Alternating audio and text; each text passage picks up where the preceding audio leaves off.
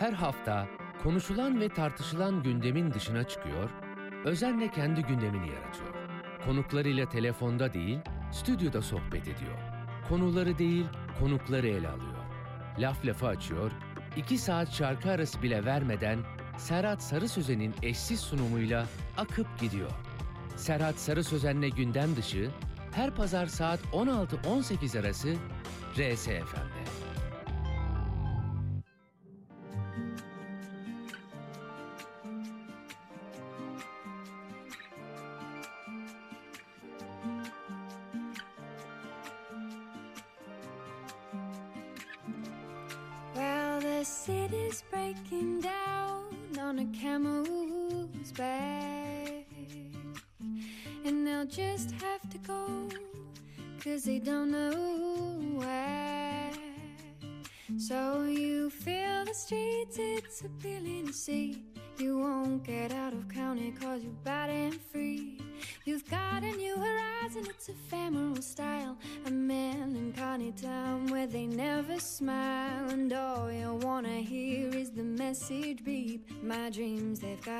Because I don't get sleep no. When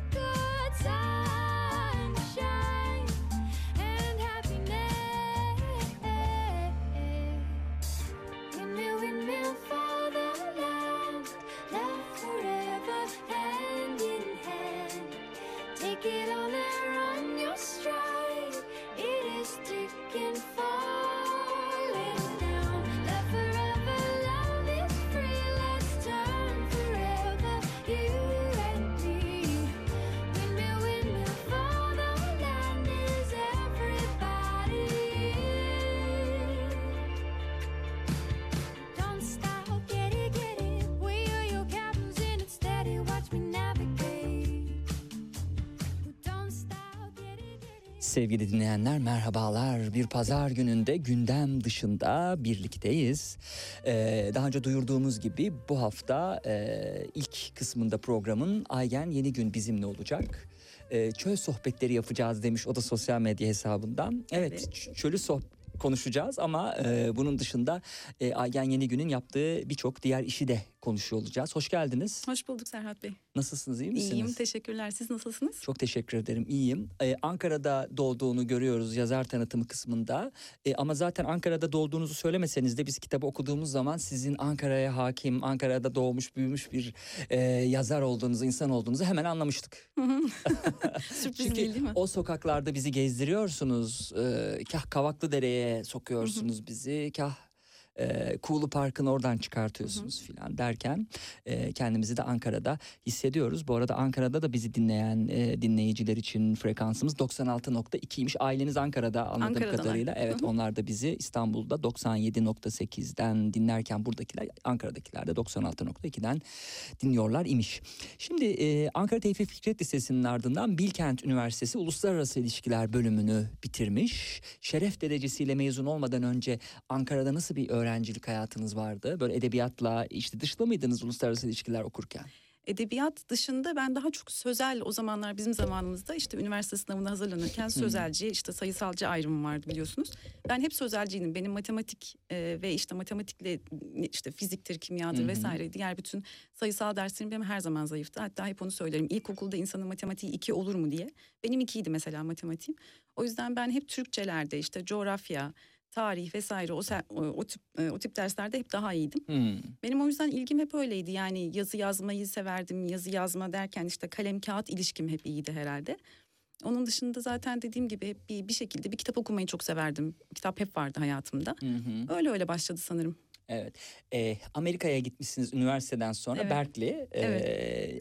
İş yönetimi ve proje yönetimi. Üniversite eğitimiyle ilintili böyle bir edebiyat da arıyorum bir taraftan hani şey için ama hayır profesyonel e, iş hayatınızı e, daha e, etkili kılabilme adına yapılan e, tabii e, eğitimler bunlar. Sonra Türkiye'ye döndükten sonra Avrupa Birliği ve Dünya Bankası tarafından desteklenen e, birçok uluslararası projede görev almış Aygen Yenigün. E, aynı dönemde Ankara Üniversitesi'nde Avrupa Birliği üzerine temel eğitim ve uzmanlık eğitim programlarını tamamlamış. 2007 yılından bu tarafa da yönetici ortağı olduğu firmada ulusal ve uluslararası projelerin hazırlanması ve yürütülmesi konusunda çalışıyor. Ayrıca 1973 yılında kurulmuş olan aile şirketinde de uluslararası inşaat projelerinin geliştirilmesinde görev alıyor. Bu kadar işinin arasına bir de e, çölü sıkıştırdı E, ve iyi de yaptı. E, güzel okunan ve e, e, birçok temayı da içinde gördüğümüz hele ki o kıskançlık e, Hı hı. değil mi E, sonunda bizim iyice karşımıza e, çıkan e, gördüğümüz yani eğitim durumu fark etmeden e, neler yaptırabileceğini insana bu e, dürtünün e, de görmüş olduk ama onun öncesinde de e, önemli mesajlar var. Bir kere eğitime e, değil mi uzak kalmış e, insanların eğitime teşvik edilmesi ki anladığım kadarıyla bu sizin de hayatınızda bir e, yansıtan bir e, kısım olmuş romanla ilgili. Hı hı. E, konuşacağız e, Habi'nin e, rol model aldığı Ayşegül'le olan ilişkisini. E, Ayşegül'den ne kadar acaba e, yazar e, yansıtmış kendisinden baş Hı e, karakteri diye e, konuşuruz. E, Amerika'da sertifika programını tamamladıktan e, sonra staj yapmayı e, düşünmüşsünüz değil mi? Evet. E, tüm hazırlıkları yapıp Türkiye'ye 15 günlük tatile geldiğiniz sırada da 11 Eylül olayları yaşanmış. Tam da o dönem Tam o dönem. E, ve hesaplar birdenbire değişmiş ve bu sizin için bir dönüm noktası anladığım kadarıyla. Aynen öyle. Nasıl etkiledi hali hazırda da e, yaşıyorken bu süreci mevcutta? Hı hı. Aynen öyle. Ee, ben bu arada şimdi farkında olmadan biz diye konuşursam şaşırmayın. Benim bir ikiz kardeşim var. O yüzden Hmm, hep böyle biz demeye alışım. Ağzıma ona alışık. harika. Onun da edebiyata ilgisi var mı sizin O gibi? benim tam tersim o işte daha sayısalcıdır. Onun Hmm. matematik yönü e, kuvvetlidir. Biz e, ikizim Figen'le beraber Amerika'ya gitmiştik zaten. Amerika'dan dönüşte daha doğrusu bir Türkiye'ye geldik. Bir 15 gün e, tatil yapacağız. Ondan sonra döneceğiz. İşte o staj yapacak. E, Bu daha doğrusu ben staj şey yapacağım. değil değil mi? Ondan sonraki bir süreç bu. Tam orası değil. bitti. Oradan artık biz New York'a geçeriz. Orada işte ben staj yaparım. Figen e, orada bir başka bir okula daha devam edecekti. O da iç mimar. Hı hı. Orada ikinci bir eğitim daha alacaktı. Bütün programımızı yaptık. Bütün eşyalarımızı dahi gönderdik. Yani şey New York'ta bir arkadaşımızın evine. Geldik burada bir 15 gün tatil yapalım. Ondan sonra 18 Eylül'de bizim biletimiz vardı. 11 Eylül olayları oldu ve sonra tabii ki müthiş bir belirsizlik yani ne yapacağımız ve dünyanın nereye gideceği belli değil. Hmm. Amerika'nın nereye gideceği belli değil. New York tam göbeğine gitmeyi düşünüyoruz biz o sırada. Hmm. Öyle olunca bütün planlar alt üst oldu. Biz kaldık Türkiye'de.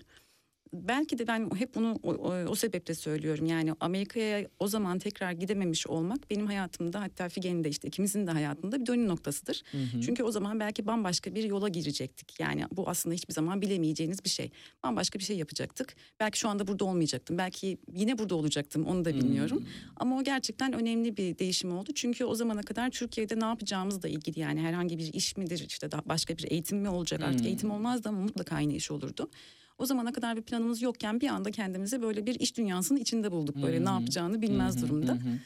E, dö- geriye dönüp bakınca da iyi olmuş diyor musunuz? Ya tabii ki 11 Eylül için böyle bir şey asla diyemez kimse. Siz de demezsiniz ama e, de- dönüşünüz yani daha ayakları sağlam basan e, bir e, kararla e, e, Türkiye'de kalmış olmak ve e, işe koyulmuş olmak daha iyi diyor musunuz? Yoksa gitmeyi mi tercih ederdiniz? Yok gitmeyi tercih ederdim diye bir şey yok. Açıkçası o zaman gitseydim ne olurdu hiçbir zaman bilemem. Yani bir- onu bilmek mümkün değil.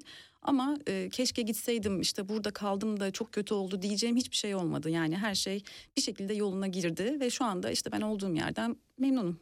Sağlık turizmi de yapıyormuşsunuz Evet. bir taraftan. Evet. E, bu nedenle de sık sık Afrika'ya gidiyormuşsunuz. Evet. Aa. Kamerun değil mi özellikle? Evet özellikle Kamerun. E, çünkü Türkiye Kamerun İş Konseyi Başkanı Evet. kendileri sevgili dinleyenler. E, yani tabii böyle konsey başkanı e, işte e, iş ortağı falan deyince e, edebiyat konuşası da gelmiyor insanın. Fark ettiyseniz şu an 16-19'a doğru ilerliyor süre. Daha edebiyata gelemedik. e, Kamerun'a gidip geliyorsunuz Evet, anladığım kadarıyla. E, nasıl bir e, bu sağlık turizmini nasıl yönetiyorsunuz burada? Neler yapıyorsunuz bu Afrika'daki ülkede? Zaten herkes onun Kamerun nerede oradan başlayalım diye soruyor. Evet. Kamerun dünyanın neresinde? Kuzeyinde olmadığını biliyoruz. Mısır, Libya, Evet, Ceza. Ortalardadır herhalde diye düşünüyorum. Aynen öyle. Zaten aslında Afrika deyince ben Kuzey Afrika'yı saymıyorum açıkçası Hmm. Afrika'dan. Yani Kuzey Orta Doğu Afrika'da gibi değil mi? Doğru. Evet. Evet çok daha farklı bir coğrafya hı. yani insanları da öyle iş yapma şekilleri de öyle yani e, coğrafyası da her şey çok farklı. E, ben o yüzden Afrika deyince Kuzey Afrika'daki o o hattın altını zaten Sahra altı Hmm. Afrika diye geçen Hmm. kısmı ben hep Afrika olarak sayıyorum. Kamerun'da işte tam Sahra altı Afrika'da batıda kıyı, batı e, kıyısında. Yani şöyle söyleyeyim sağlık turizmi deyince bizim yaptığımız şey e, Afrika'dan buraya tedavi amacıyla gelecek kişilere destek olmak. Onların doğru hastanelere, doğru doktorlara ulaşmasını sağlamak. Evet. Buradaki lojistik ihtiyaçlarını karşılamak. Dolayısıyla orada bir de tabii ki şöyle bir şey de var. Sağlık olunca işin e, konusu çok önemli. Yani herhangi bir e, bir şekilde hareket edemezsiniz. Belki de bunun bir, mutlaka çok daha iyi organize edilmiş olması lazım. İnsanlar bilmedikleri bir ülkeye, bilmedikleri bir dilde tedavi olmaya geliyorlar. Dolayısıyla onları mümkün olduğu kadar biz rahat ettirmeye çalışıyoruz burada. Ben de sağlık turizmi deyince dediğim gibi Kamerun'da başladı. Kamerun'da da bizim aile şirketi olarak yaptığımız bir yürüttüğümüz bir proje var. Bir e, stadyum projemiz var orada spor kompleksi. E, şirket gidince ben de peşlerine takıldım açıkçası. Hmm. Çünkü orada biraz da tabii lojistik desteğe ihtiyacınız var. Yani Afrika'da işte bahsettiğim Afrika'da şunu yapmak biraz zor. En azından bir kadın için biraz zor. İşte Avrupa'da gidersiniz biletinizi alır oradan işte bir şekilde metro ile otelinize varırsınız. Otel yoksa bile bir şekilde bulursunuz ama orada mutlaka sizi işte bir araba karşılayacak. Tabii silahlı güvenlikli bir araba Burası karşılayacak yani Kamerun lazım. öyle değil. Değil mi kadar? Kamerun öyle değil. Yani orada öyle bir tehlike e, hiç ben Hmm. görmedim, hiç karşılaşmadım ama tabii ki bir de sonuçta büyük şehirlerde ve e, daha çok yaşamın e, Hmm. daha böyle modern olduğu yerlerde oluyor benim işlerim. Ama sonuçta dediğim gibi orada Güney Afrika'da lojistik bile gerekiyorken Kamerun'da da gerekir diye Güney düşünmüştüm ama değil. Afrika'da gerekiyor gerçekten. Oraya da Hmm. gittiğim için biliyorum. Orada Hmm. hatta aksine yani otelden çıkarken benim burnumu kapıdan çıkarmama izin vermiyordu Evet. görevliler. Yani arabaya Evet. biz bindireceğiz, sizi biz alacağız Ben diye. de gaspa uğradım orada sokak ortasında Gerçekten zaten. mi? Keşke beni de izin vermeselermiş. Allah çok geçmiş Ee, olsun. ta- Orası sağ olun tehlikeli. teşekkür ederim. Tehlikeli. O yüzden Kamerun'dan korktum ama eminsiniz yani. Siz Evet, zaten evet. bildiğiniz bölgeler olduğu için. Evet. Hadi edebiyata geçelim o Geçelim zaman. Uğur Mumcu e, araştırmacı gazetecilik Evet. vakfında eğitimler e, Evet. aldı Aygen Yenigün. E, şimdi tabii bizim için niye önemli bu Kamerun işte sağlık turizmi şu bu yazarı tanıyabilme adına. Yani çölü okuyucusuyla buluşturana kadar neler yapmış Aygen Yenigün bunu anlama adına bir önemliydi yapılan işler. E, oradan parçalar bulacak mıyız diye işin açığı düşünmüştü ama ne bulacağız mesela ilk kısım Ankara Hı hı. oldukça baskın Hı hı. e, yazarın hayatından. E, belki ana karakter yani ayakları üstünde duran, sağlam basan e, Ayşegül karakteri belki hani e, ilk tabii roman olmasından dolayı da yazarın çokça beslendiği, kendisinden beslendiği bir e, ana karakter olabilir. Hani bunları işin açığı tespit etmeye çalışıyoruz. Yoksa hani aile şirketi şu bu filan tabii ki önemli ama yayın açısından e, böyle ipucu toplamaya çalıştık. E, şimdi artık o ipuçlarından neler elde ettiğimize bakalım. E, şimdi bir kere Ayşegül ve Havin çıkıyor ilk başta Evet. karşımıza. E, Ayşegül e, bir avukat. Hı hı. E, Havin'e burs veren bir avukat. Evet. E, Havin'in de rol modeli. Hı hı. Ee, şimdi e, bir bakalım hemen Ee, sayfa 16 Ayşegül küçükken beraber oynayacağı ablalık yapacağı bir kardeşinin olmamasına çok üzülürdü. Ee, çoğu tek çocuk gibi arkadaşlarının hemen hepsinin ya bir ablası abi ya da küçük kardeşleri vardı.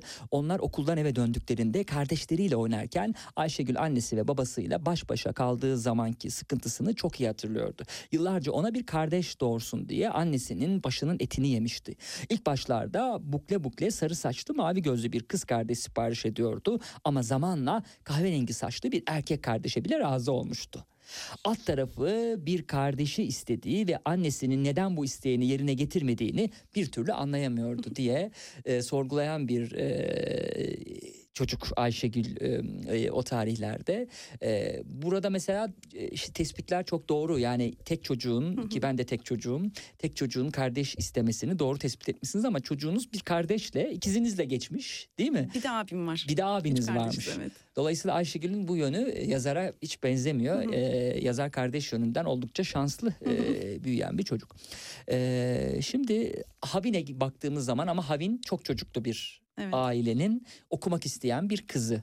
Ee, bu şekilde olup da e, eğitime e, muhtaç değil mi? E, Parasal sorunlardan Hı hı. ya da e, ailenin bakış açısından dolayı okuyamayan çok insan var. Evet. Ee, bu insanlara da çok da Ayşegül lazım herhalde. Keşke daha fazla Ayşegül olsa aslında. Yani şöyle düşünüyorum ben Türkiye'nin çok e, maalesef acı bir gerçeği okumak isteyen fakat bir şekilde okuyamayan, okuldan uzak kalan kız çocukları, özellikle kız çocuklar. Bu e, erkek çocuklar da aynı şekilde ama maalesef işte toplumsal bazı e, kısıtlar ya da kısıtlamalar sebebiyle kız çocuklar biraz daha uzak kalıyor bu konuda.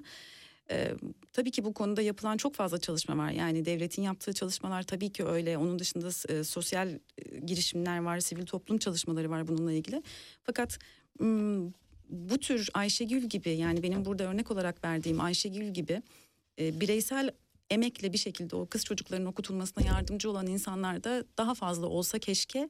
Böylece hem e, dediğim gibi rol model olarak kullanılabilecek insan sayısı o çocuklar tarafından kullanılabilecek işte e, ablalar, abiler e, daha fazla olsa hem de e, dediğim gibi yani bu Türkiye'nin kalkınması için çok önemli bir şey ve bence Havin sonuçta benim tanıdığım bildiğim bir hikaye değil.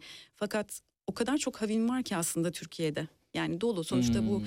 e, çok herhangi bir yere gittiğinizde büyük şehirlerin e, birazcık dışına belki çıktığınızda yani başka bir semtine başka bir ilçesine gittiğinizde bile ille de böyle Doğu Anadolu'ya gitmenize de gerek yok tabii bunun için.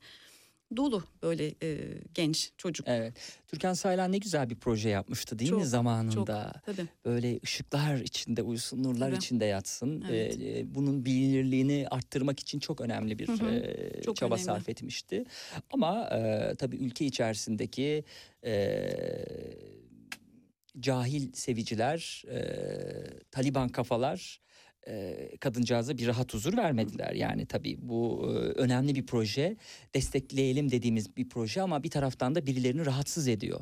O rahatsız olanlar inşallah Afganistan'a bir bakıp e, ne arzuladıklarını görürler diye düşünüyoruz. Evet. O yüzden Ayşegül gibi hani sizin de ana karakter gibi insanların artması, e, Havin gibi insanların, e, kız çocuklarının e, destekçi bulması bu bağlamda çok önemli. Ayşegül'ün e, iç dünyasına bakmıştık kardeş istiyor. Hadi şimdi bir de e, şeye bakalım. E, Havin'in e, annesiyle bir başlayalım. Nasıl bir e, evde büyüyor diye. Nazife Hanım'ın bildiği bazı annelerden farklıydı. Onlar gibi konuşkan, hareketli, cevval değildi onun annesi. Komşuları saatlerce kapı önünde oturup çekirdek yiyerek mahallenin diğer ucundakilerin dedikodusunu yaparken annesi ya ev işi yapardı ya da kanev işi işlerdi. Sessiz kendi halinde temiz kalpli bir kadındı. Hayatını evine ve çocuklarına adamış aslında yumuşak kalpli olduğuna inandığı kocasının incir çekirdeğini doldurmayacak şeylere sinirlenip aniden çıkışmasına ve öfke nöbetlerine alışmış gıkını çıkarmadan yaşayıp gidiyordu. Tıpkı Havi'nin etrafındaki birçok cefakeş anne gibi. Ee, tabii babayı da anlamış olduk. Baba biraz agresif. Evet. Ee, anne fedakar, vefakar bunun içerisinde yani klasik Türkiye ailesi e, büyümeye çalışan bir e, çocuk e, burada karşımıza çıkacak. Havi'nin avukat olmak istediğini e, söylemiştik Ayşegül gibi. Nitekim o kısma da baktığımız zaman belki ona ilişkin birkaç şey söylersiniz. Böyle rol modelleri vermek önemlidir değil mi bu çocuklara? Tabii Yoksa ki. nereden aklına gelsin de okumak istesin? E, yani hani böyle bir challenge yaratmak e, kolay bir şey değil yani o insanlarda da okusunlar diyoruz ama önce ne olması lazım? Okuma isteği vermek lazım tabii. Bir idol yaratmak lazım belki karşılarında. E, şimdi hangi kısmı okuyacağız? Evet Ayşegül'ün son 3 yıldır kız çocuklarının eğitimini destekleyen büyük bir dernek aracılığıyla yaptığı katkının hakkını sonuna kadar veren Havin okulunun en başarılı öğrencilerindendi. Ayşegül tanışmak için Havin'i telefonla aradığında onun okuma hevesinden ve heyecanından büyük mutluluk duymuş 11 yaşındaki bir çocuğun bu kadar aklı başında olgun ve bilinçli konuşmasından çok etkilenmişti. Küçük kızın zekasına, pırıltısına, kararlılığına ve cevvalliğine hayran kalmamak elde değildi diyecektir. Siz de bir iş insanı olarak, bir iş kadını olarak olarak e, bu tarz e, havinlerle karşılaşıyor musunuz? Ne hissediyorsunuz karşılaşıyorsanız? Karşılaşıyorum. Şöyle iş dünyası dışında e, aynı zamanda biz e, babam tarafından e, Mardinliyiz. Mardin Midyat zaten bağlantıda biraz oradan geliyor. E, dolayısıyla oraya gittiğimizde ve zaten çok eskiden e, bayramlarda işte tatillerde daha sık giderdik. O kadar çok görüyorsunuz ki zaten ona benzer e, dediğim gibi çok fazla havin var oralarda. Yani benim böyle birebir gördüğüm çok fazla e, ama zehir gibi bir taraftan yani okuma bir şekilde şansı olmamış, devam edememiş okuluna ya da belki de hiç okumamış. Ama gerçekten zehir gibi bir eğitim aldığın zaman ya da işte bir, bir şekilde o doğru yolu ona gösterildiği zaman müthiş başarılar elde edebilecek, müthiş işler çıkarabilecek çok fazla çocuk var. Dolayısıyla bu dediğim gibi hem e, okumuş ya da işte daha yeni mezun olmuş ve bir şekilde iş dünyasına girmek isteyen yine e, genç kadınlardan bahsedeceğim. Erkekler işte Türkiye'de maalesef biraz daha şanslı. Maalesef derken kadınları açısından söylüyorum. Ee, onlara bir şekilde yön vermek açısından bence bu çok önemli. Yani bir rol model olması. Mesela işte Ayşegül Havin örneğine baktığınızda Havin bir avukat nedir tam olarak bilmiyor olabilir ya da bir avukat nasıl nasıl bir şeye benzer? Yani ne iş yapar nasıl bir hayatı olur nasıl bir dünyası olur? Onu mesela Ayşegül üzerinden görebiliyor. Dolayısıyla o o anlamda bence çok önemli bir rol model. Yani avukat olmaz işte ne bileyim hukuk şey başka bir şey olur bir doktor olur başka bir meslek seçer ama sonuçta bir iş dünyasındaki bir kadının nasıl yaşadığını o kanal üzerinden görmesi bence çok önemli. Evet. Şimdi tabii ben e, kitaplarda e, böyle sonu söylemeyi seven bir insan değilim. E, ama tabii bu son da aslında başlarda olduğu için söylüyorum. E, Habin ölecek. E, Aşk bunu Ee, olsun. söyle evet de başlarda olduğu için söylüyorum. Habin ölecek. Adam içip içip dövüyormuş kızı. Düzelir diye beklerlerken 3 hafta önce bir akşam öyle kötü dövmüş ki komşular hastaneye yetiştirene kadar beyin kanamasından ölmüş kızcağız. Acı bu kadarla da bitmiyordu. Üstelik kızın hamile olduğunu sonradan anlamışlar. Meğer hiç kimseye de söylememiş diyecektir. Tabii bu özellikle doğuda değil mi? Hani doğu diye e, böyle çok da kategorize etmeyi sevmiyorum ama bunu da söylemek durumundayım. Doğuda çok e, daha çok değil mi? Hani ölümle sonuçlanan bir e, şeye sebep olur bu durum. Yani kızın evlenmeden hamile kalması ve e, ailenin de bunu öğrenmesi. E, Doğu derken Trabzon'dan ya da Rize'den de alabiliriz bu arada cetveli çizebiliriz aşağı doğru Erzurum'u falan kapsayacak şekilde. E, Batı'da da böyle aileler çıkar ama genelde böyledir. Nasıldır? Çünkü Mardin'i Midyat'ı da biliyorsunuz bu bir felakettir değil mi? Böyle bir şeyin e, duyulmuş olması yani ölse daha iyi belki o kişi Yani şu- aileye göre. Şöyle tabii aslında o hikayede biraz daha farklı bir taraf var, bir yön var ama e, yani sonuçta evlendikten sonra siz e, şeyde hikayeleri çok görüyoruz zaten biliyorsunuz. Evli işte hamile ama kocası tarafından dayak yiyor bir şekilde. Hı hı. İşte ya kurtarılamıyor ya işte bir şekilde yardım istiyor fakat yardım bile yetişmeden can veriyor. Yani buna benzer hikayeler çok fazla olduğu için bu işte Havin birazcık beni o anlamda herhalde bu hikayelere çekti. Yani Havin'in hikayesi işte doğuda geçiyor olması sonuçta bu kültürü az çok biliyor olmam nasıl bir hayat orada yaşanıyor ya da neler yaşanabilir onları biliyor olmam sanırım biraz etkiledi beni. Hı hı. Ee, şimdi ilk kısmında aslında Ayşegül'ün iç dünyasına Havin aracılığıyla bir misafir olduk. Ee, iyi kalpli, yardımsever bir e, kendi ayakları üstünde duran bir kadın olduğunu biz e, Havin vasıtasıyla öğrendik ve Havin'in ilk bölümdeki rolü bitmiş oldu. İkinci kısımda artık e, kitabın aşk kısmı da başlıyor ve Ayşegül'ün karşısına Cenk çıkıyor. Ee, tabii artık bu saatten sonra daha dikkatli cümleler kuracağım. Kitabın sonuna doğru çünkü tadını kaçıracak şeyler e, söylememek lazım. Herkesin karşısına böyle Cenk çıksın mı demek lazım, çıkmasın mı demek lazım. Dikkatli olunmalı. O yüzden o kısmı şey yapıyorum, sessiz e, kalmayı tercih ediyorum. Bir tek Cenk'i biraz tanıyabiliriz e, sevgili dinleyenler. E, ikinci kısımda çıkıyor demişim. E, ilk üç paragraf okunabilir demişim ama neresi acaba şöyle bir bakayım. 29. sayfada. Evet. Ne zaman ihtiyaç hissedersen gelebilirsin. Ben buradayım. Bir süredir bu cümleyi duyacağı anı bekleyen Cenk gözlerini kucağında kenetlediği ellerinden ayırmadan tamam diyorsunuz öyle mi? dedi alçak bir sesle. Sevinmeli miydi üzülmeli mi bilemedi. Hiçbir şey hissetmiyordu.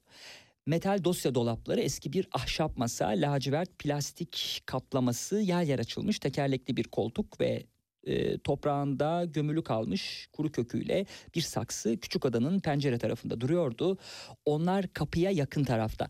Tam tersi olan daha mutlu olabilirdi. Bol bol pencereden dışarı bakmak, uzaklara dalmak, düşünmek, hatırlamak diye e, sürecektir. E, Cenk de mimardı sanki değil mi? Mühendis, Mühendisti inşaat pardon mühendisi. inşaat mühendisiydi doğru. E, ve artık e, şeyin karşısına e, Ayşegül'ün karşısına çıkmak üzere e, yazar yavaş yavaş hazırlıyor. E, nitekim aynı zamanda Ankaralı yazar olan Aygen Yenigün'ün gözünden e, Ankara'ya bir bakalım. Hah, sayfa 39'da şimdi bakabiliriz. E, Ayşegül hiçbir şey söylemeden diye başlayan paragraf sayfa 39'da nerede? E, evet e, başını bu kez engebeli Ankara'ya çevirdi Ayşegül. Kuş bakışı bakınca içi kabarmış birinin bol nazarlı dedikodulu kahve falına benziyordu şehir. Düzensiz ve karmaşık. Doğup büyüdüğü, bırakıp giden birçok arkadaşının aksine hala sevdiği ve içinde kendini güvende hissettiği Ankara. Üç vakte kadar ona neler getirecekti acaba? Size neler hissettiriyor? Ayşegül'e bunları hissettiriyor Ankara. Size neler hissettiriyor? Ankara'ya uçakla her inişimde aslında ben hep bunu düşünürüm. Yani bana ne getirecek anlamda değil ama hakikaten bir kahve falı gibi gelir bana. Yani Hmm. o genel Türkiye'nin zaten belki şehirleşmesiyle ilgili bir şeydir ama... e, şöyle sonuçta insan içinde doğup büyüdüğü yerde mutlaka daha rahat oluyor. Yani Ankara benim için hakikaten güvenli bir liman herhalde.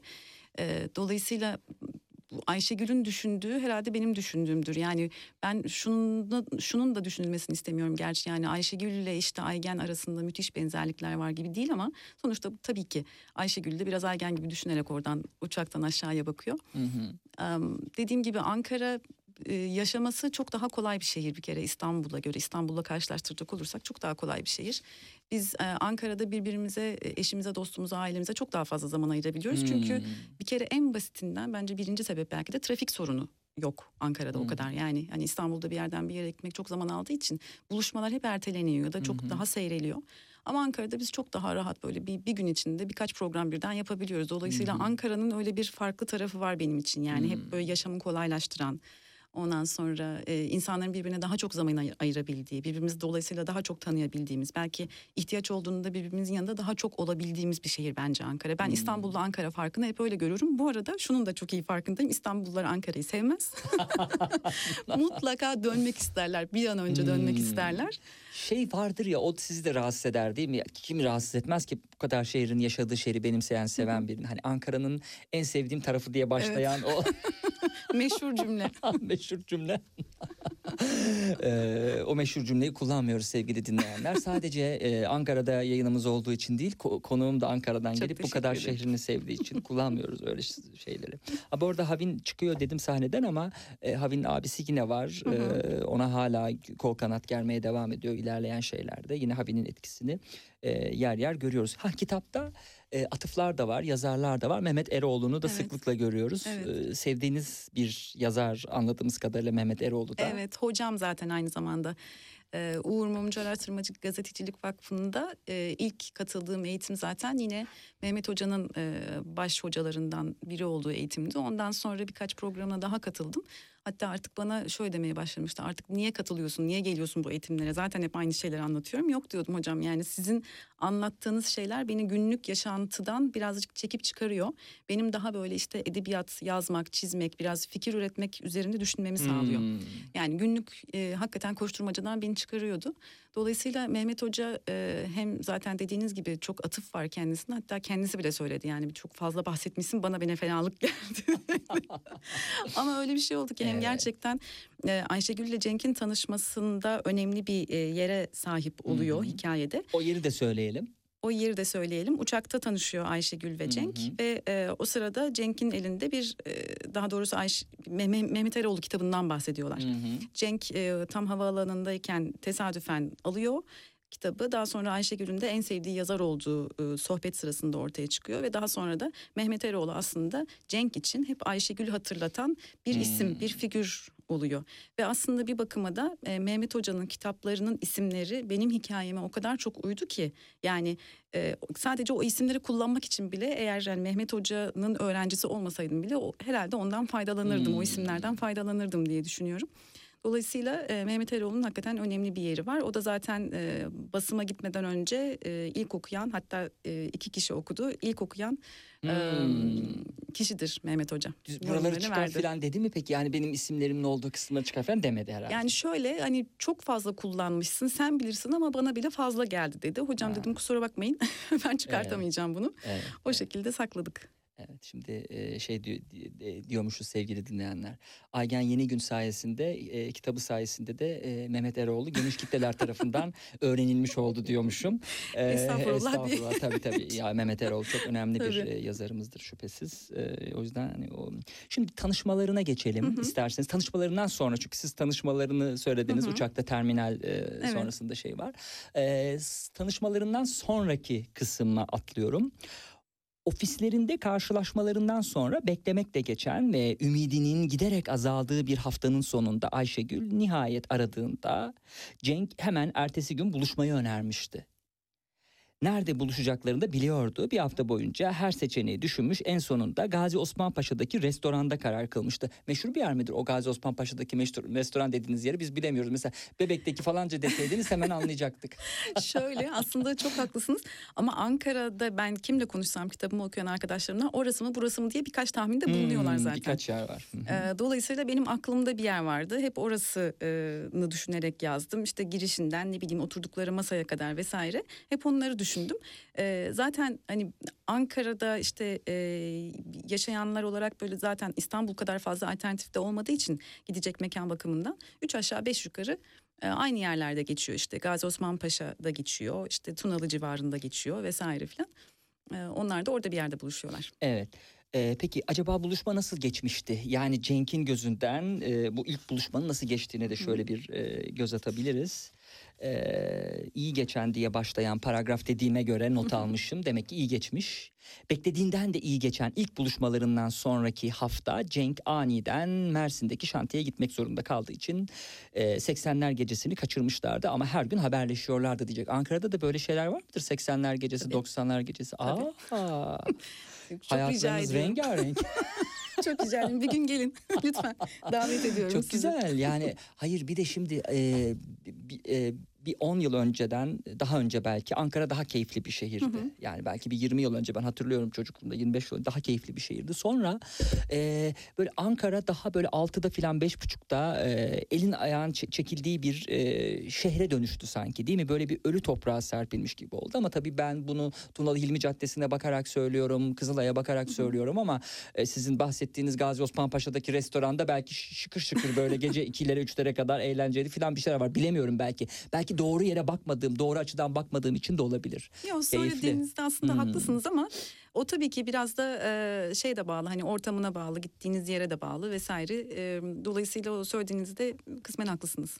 Evet. Şimdi e, buluşmanın iyi geçtiğini anladık. Sonraki iki saat diye başlayan kısma geçeceğim. Bu arada ben de e, konu konuşurken e, onu dinlemeyi e, tercih ettiğim için ilgili kısma bakamadım sevgili dinleyenler. Hemen e, ilgili kısma bakalım. Evet sonraki iki saat boyunca her şeyden konuştuk diye anlatacaktı Ayşegül. Ertesi gün arkadaşına işte Voltran'a sevdikleri şey pardon çok affedersiniz e, her şeyi e, ko- konuştuk diye anlatacaktı Ayşegül ertesi gün Voltran'a sevdikleri şeylerden de söz ettiler sevmediklerinden de Ayşegül seyahat etmeyi ne kadar sevdiğini anlattı mesela yeni yerler yeni insanlar kültürler tanımanın ona ne kadar iyi geldiğini fotoğrafını çektiği e, anı öylece dondurup duvarına asmanın sonra tekrar tekrar bakmanın ona nasıl geçmişe götürdüğünü bir süredir artık sadece ona herhangi bir şey veren insanlarla beraber olmak istediğini de anlattı. Ayşegül e, güven, bilgi, farklı bakış açısı veya sadece neşe. O sırada Erol Evgin'in seni düşündüm dün akşam yine sonsuz bir e, umut doldu içime dediğini duydu diyecektir tıpkı bu şarkıda. E, Dediği gibi bir yandan e, konukla göz teması kurmaya çalışıyorum. Bir yandan kitapla ilgili yeri buluyorum. Bir yandan Onur'la işaretleşiyoruz sevgili dinleyenler.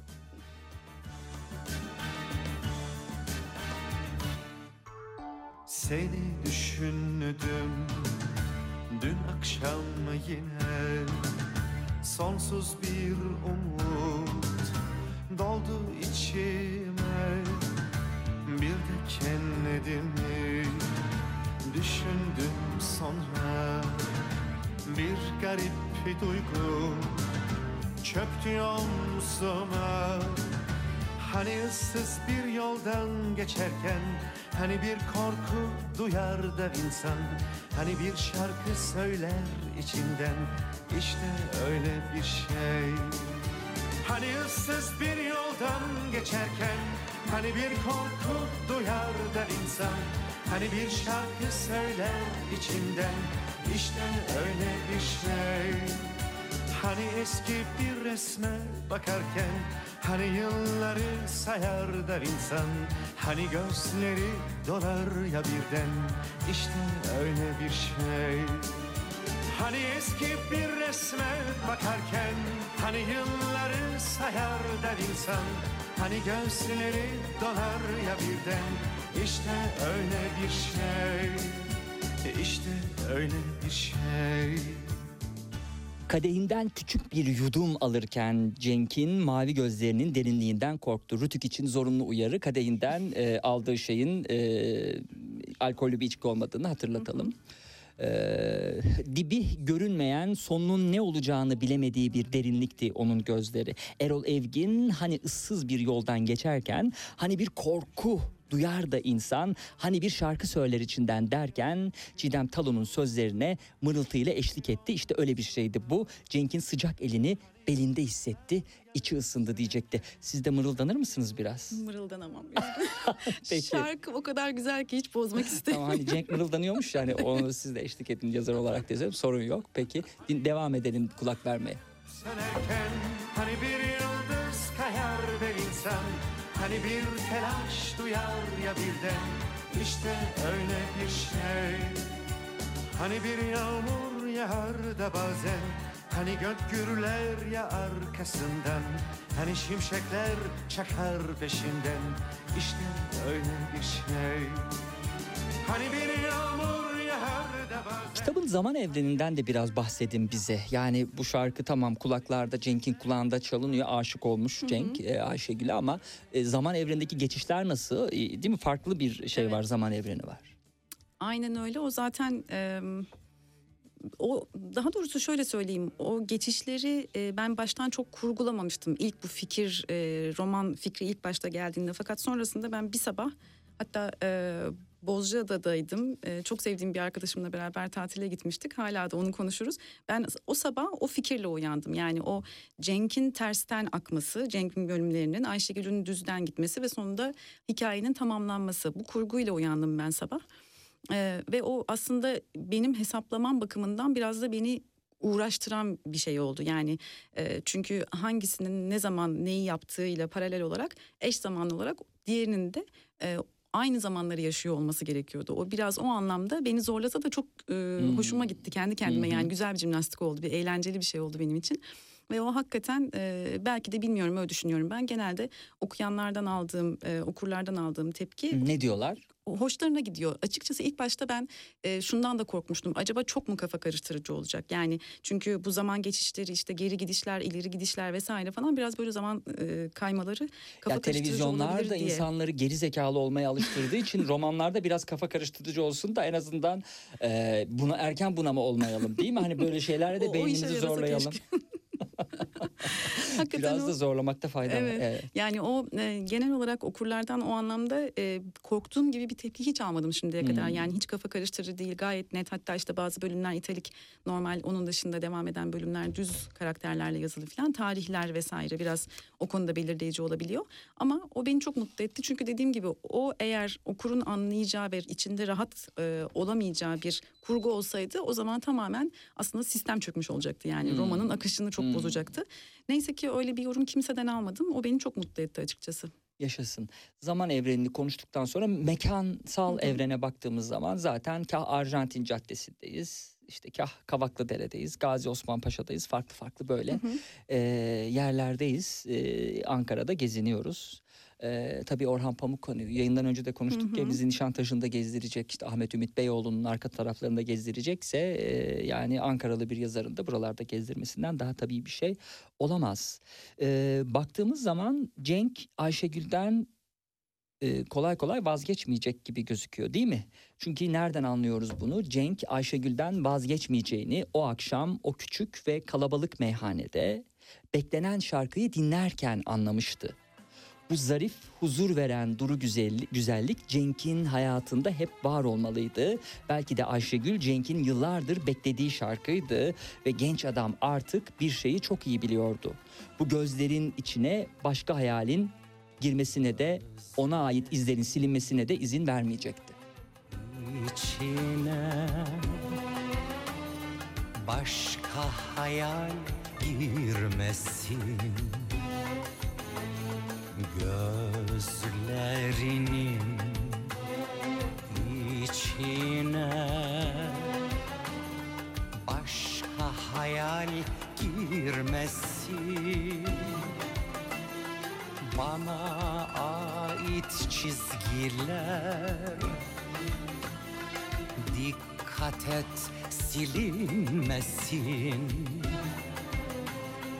Bana ait çizgiler. Dikkat et silinmesin. İstersen yum gözlerini. Tıpkı düşünür gibi. Benden evvel başkası Sakın seni görmesin Benden evvel başkası Seni görüp sevmesin Tabii o yıllarda çizgiler önemli. Değil mi? Zeki Müren'in söylediği gibi. Şimdiki gibi botoks yok. Bütün kadınlar, bütün erkekler çizgilerden azade edilmediği o şaşalı yıllar. Ee, O zamanlar çizgiler varmış. çizgiler varmış değil mi? İşte bu şarkının üstünde böyle konuşulmaz tabii güzel şarkı. Ee, o Cenk'i bize anlatın ruh dünyası nasıl Ayşegül'e tabii e, kitabın birinci bölümünde iyi kalpli yardımsever kadın Ayşegül çıkıyor e, ve işte e, hazırlıyorsunuz okuyucuyu sonrasında e, güzel bir ilişkiye hazırlanıyor ama Cenk'in duygularını e, anlamamızda bize biraz yardımcı olursanız. Cenk'in biraz kafası karışık. Hı hı. Yani hayatla ilgili kafası karışık. O geçmiş deneyimlerinden hatta kitabın arka kapağında da yazıyor.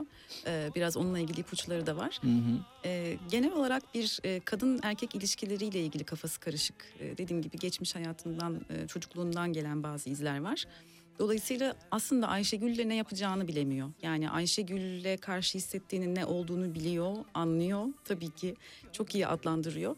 Fakat Ayşegül'ün ne yapacağını, nereye koyacağını ve kendisinin bu durumda nasıl davranacağını bilemiyor. Hmm. Dolayısıyla benim orada yapmaya çalıştığım o Cenk'in kafa karışıklığını mümkün olduğu kadar iyi verebilmek okura. Hı. Yani sonuçta tamam ben bir erkek değilim ama bu çok insani şeyler bunlar zaten. Yani yaşanan şeyler bir kadında erkeğe de tahmin ediyorum benzer şekilde etkiler. Dolayısıyla benim orada yapmaya çalıştığım şey Cenk'in kafa karışıklığını, gelmelerini, gitmelerini yani karşısına çıkan Ayşegül gibi hiç daha önce karşısına çıkmamış ve çok sevebileceği, çok güvenebileceği bir kadınla ne yapacağını bilemediği Hı hı, e, durumda hı hı. bunu mümkün olduğu kadar ben okura yansıtmaya çalıştım. Evet. Umarım başarılı olmuşumdur. Ee, o başarınızın dışında bir de şuna da tabii ışık tutmuş olmanız önemli. Cenk gibi e, okumuş, e, makul diyebileceğimiz yani işte kadının ruhundan anlayan, şarkılar dinleyen, böyle güzel şarkılar dinleyen bir adamın e, sonra neye evrilebileceğini de görme anlamında da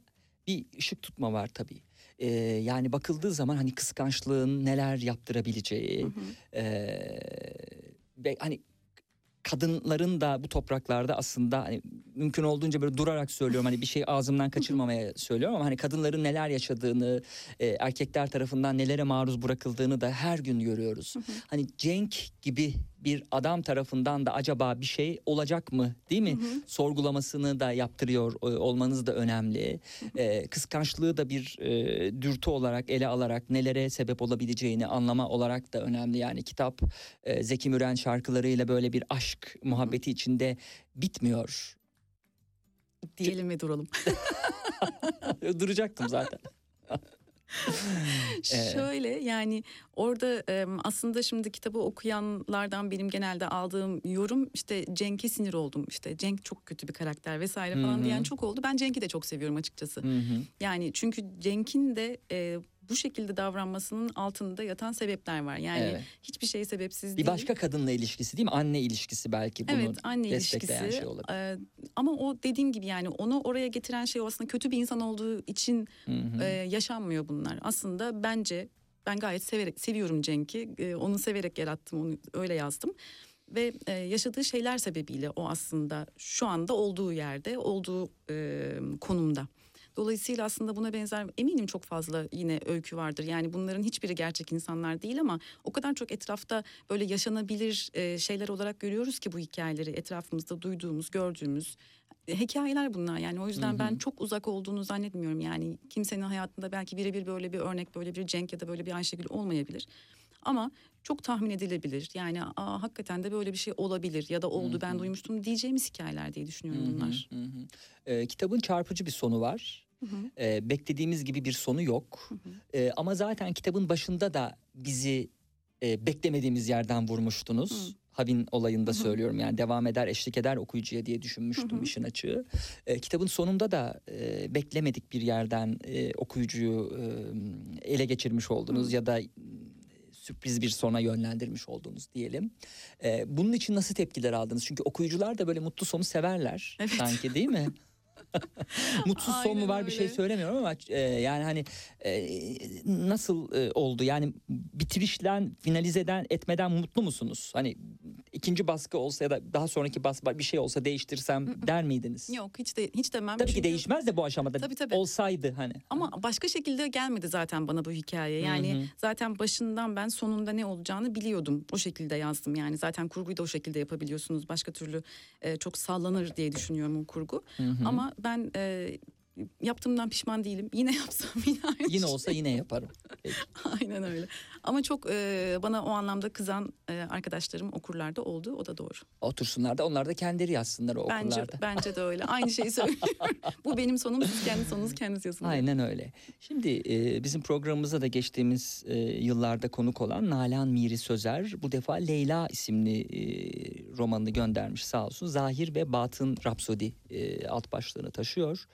Başınıza gelen iyi ya da kötü her olay nihayetine erdiremediğiniz sürece e, karmaşık bir vaka olarak bir sonraki dönemin ön hazırlığı size frekans atlatacak çözülmeyi bekleyen bir bulmacanın ipucu diye e, devam ediyor. Leyla kendisine dair düğümleri çözmeye koyulduğu bu yolculukta bir yandan ilişki, sadakat, özgüven ve farkındalığa dair yeni tanımlar bulurken diğer yandan aşkı, güvensizliği, insanın kendi olmasının anlamını sorguluyormuş. E, yayın evi bana iki tane gönderdiği için Nalan Miri Sözer'in e, Leyla kitabını size hediye etmek çok istiyoruz. teşekkür ederim.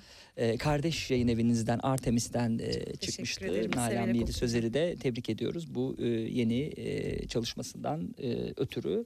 E, başka hani bugün kargodan çıkanlar neler var diye şöyle bir bakayım. Anıl Mert Özsoy'un Herkes Her Şeyin Farkında adlı kitabı ulaşmış. Kuru Su var. Hande Aydın'ın e, yazmış olduğu kitap Everest'ten. Ezgi Ayvalı 40 kabuklu çekirdek e, gelmiş. Bunlar tabii bugün geldi kargodan. E, okuduğum zaman daha detaylı konuşma imkanı buluruz. Melih Uslu'nun sevgili değerli arkadaşım Melih Uslu'nun arabayla Anadolu, İğneada'dan Pamukkale'ye arabayla Anadolu yolculuğunu anlatıyor ki Hürriyet'teki yazılarını zevkle okuyoruz. Melih Uslu'nun da. O da benim gibi benden daha çok yazıyor tabii Hürriyet'te. Ben e, o kadar fazla gezemiyorum onun gibi daha az yazıyorum. E, onları görebiliyoruz, okuyabiliyoruz. Başka ne var? E, Feyzi Erdoğan Eylül Fırtınası da zaten 12 Eylül'ü anlatıyordu ve haftaya biz e, Feyzi Erdoğan'ı konuk edeceğiz tam da zamanında. E, Eylül Fırtınası'nı konuşuyor olacağız. Programın sonuna geldik. Çok teşekkürler geldiğiniz için. Ben var mı son olarak ederim. söyleyeceğiniz bir şey? Yok çok teşekkür ederim. Umarım e, bu benim ilk roman denemem olduğu için açıkçası biraz merak da oluyor içimde. Yani e, tepkiler nasıl olacak? E, işte zaten ikincisini yazmaya başlamıştım önceden de. Hmm. E, fakat tabii ki bu e, programa davet etmiş olmanız, kitap hakkında konuşmamız, hatta araya böyle güzel sürpriz e, Evet. yapmış olmanız, müzikler falan çok mutlu etti beni. Çok teşekkür ederim. Biz teşekkür ederiz sağ olun. Aygen Yeni Gün konuğumuzdu sevgili dinleyenler programın ilk kısmında. Aygen Yeni Gün'ün kitabının adı Çöl. Ee, Mona kitap etiketiyle çıktı yakın zamanda raflarda. And we don't care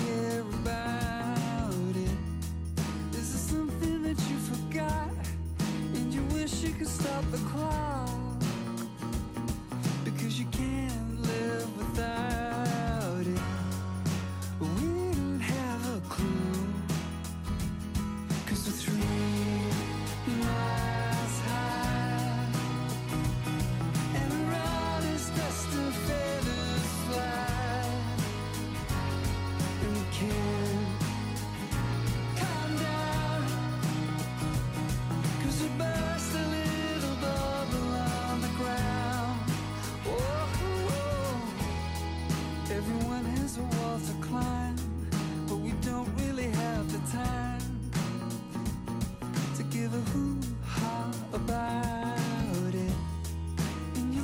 is a Russian doll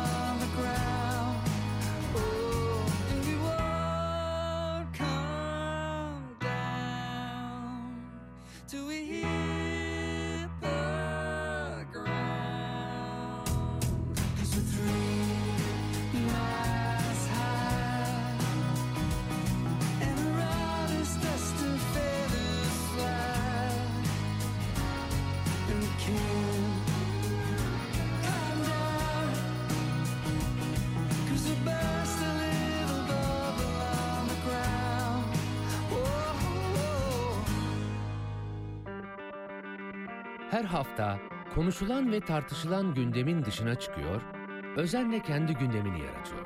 Konuklarıyla telefonda değil, stüdyoda sohbet ediyor. Konuları değil, konukları ele alıyor. Laf lafı açıyor, iki saat şarkı arası bile vermeden Serhat Sarı Sözen'in eşsiz sunumuyla akıp gidiyor. Serhat Sarı Sözen'le gündem dışı, her pazar saat 16-18 arası RSFM'de.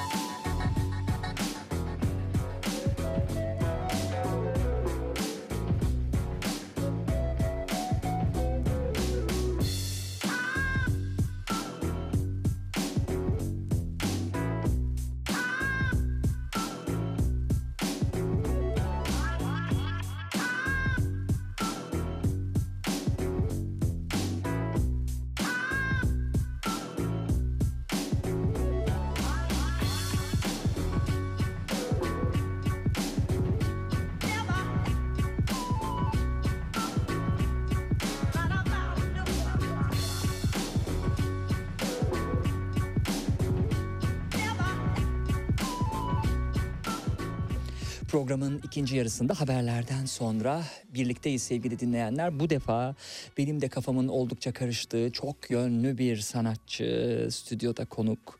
Nasıl bahsedeceğimi de bilemiyorum. Sanatçı mı desem, yazar mı desem. Biraz önce bir müzeden e, sosyal medya aracılığıyla seslendi bizlere. E, onu da konuşuruz. Hoş geldiniz. Hoş bulduk. Sevgili Cenk Merhabalar. Yüksel. Merhabalar. Hem e, kitabını imzaladı hem de e, albümünün CD'sini imzaladı. Evet. Teşekkür ederim sağ olun. Zevkle dinleyeceğim. E, zaten tabii e, başta çıkış şarkınız olmak üzere diğer şarkılarda e, böyle kulağımıza aşina gelen şarkılardı zaten ama tekrar e, bir CD eşliğinde dinlemekte keyifli olacaktır. Nefes, ses, hareket e, adlı kitabınız ki kutsal dönüşüm Evet. bunlar beraberinde üçü geldiği zaman kutsal dönüşüm e, geldiğini e, öğrenmiş olduk e, çıktı bununla ilgili sohbet edeceğiz E, ama buna ilişkin konuşmaya başlamadan önce hani o ses nefes diyor ama e, hani bu kitabın yazarı diyelim tırnak içinde yazar diye kenara koyalım ama nasıl ulaşıyor bu sese Evet. ee, ona ilişkin bir background'a da tabii bakıyor olmak lazım. Ee, lisans eğitiminden önce ön lisanstan başlayalım. Çünkü çok üniversite bitiren bir e, konuk var şu an burada.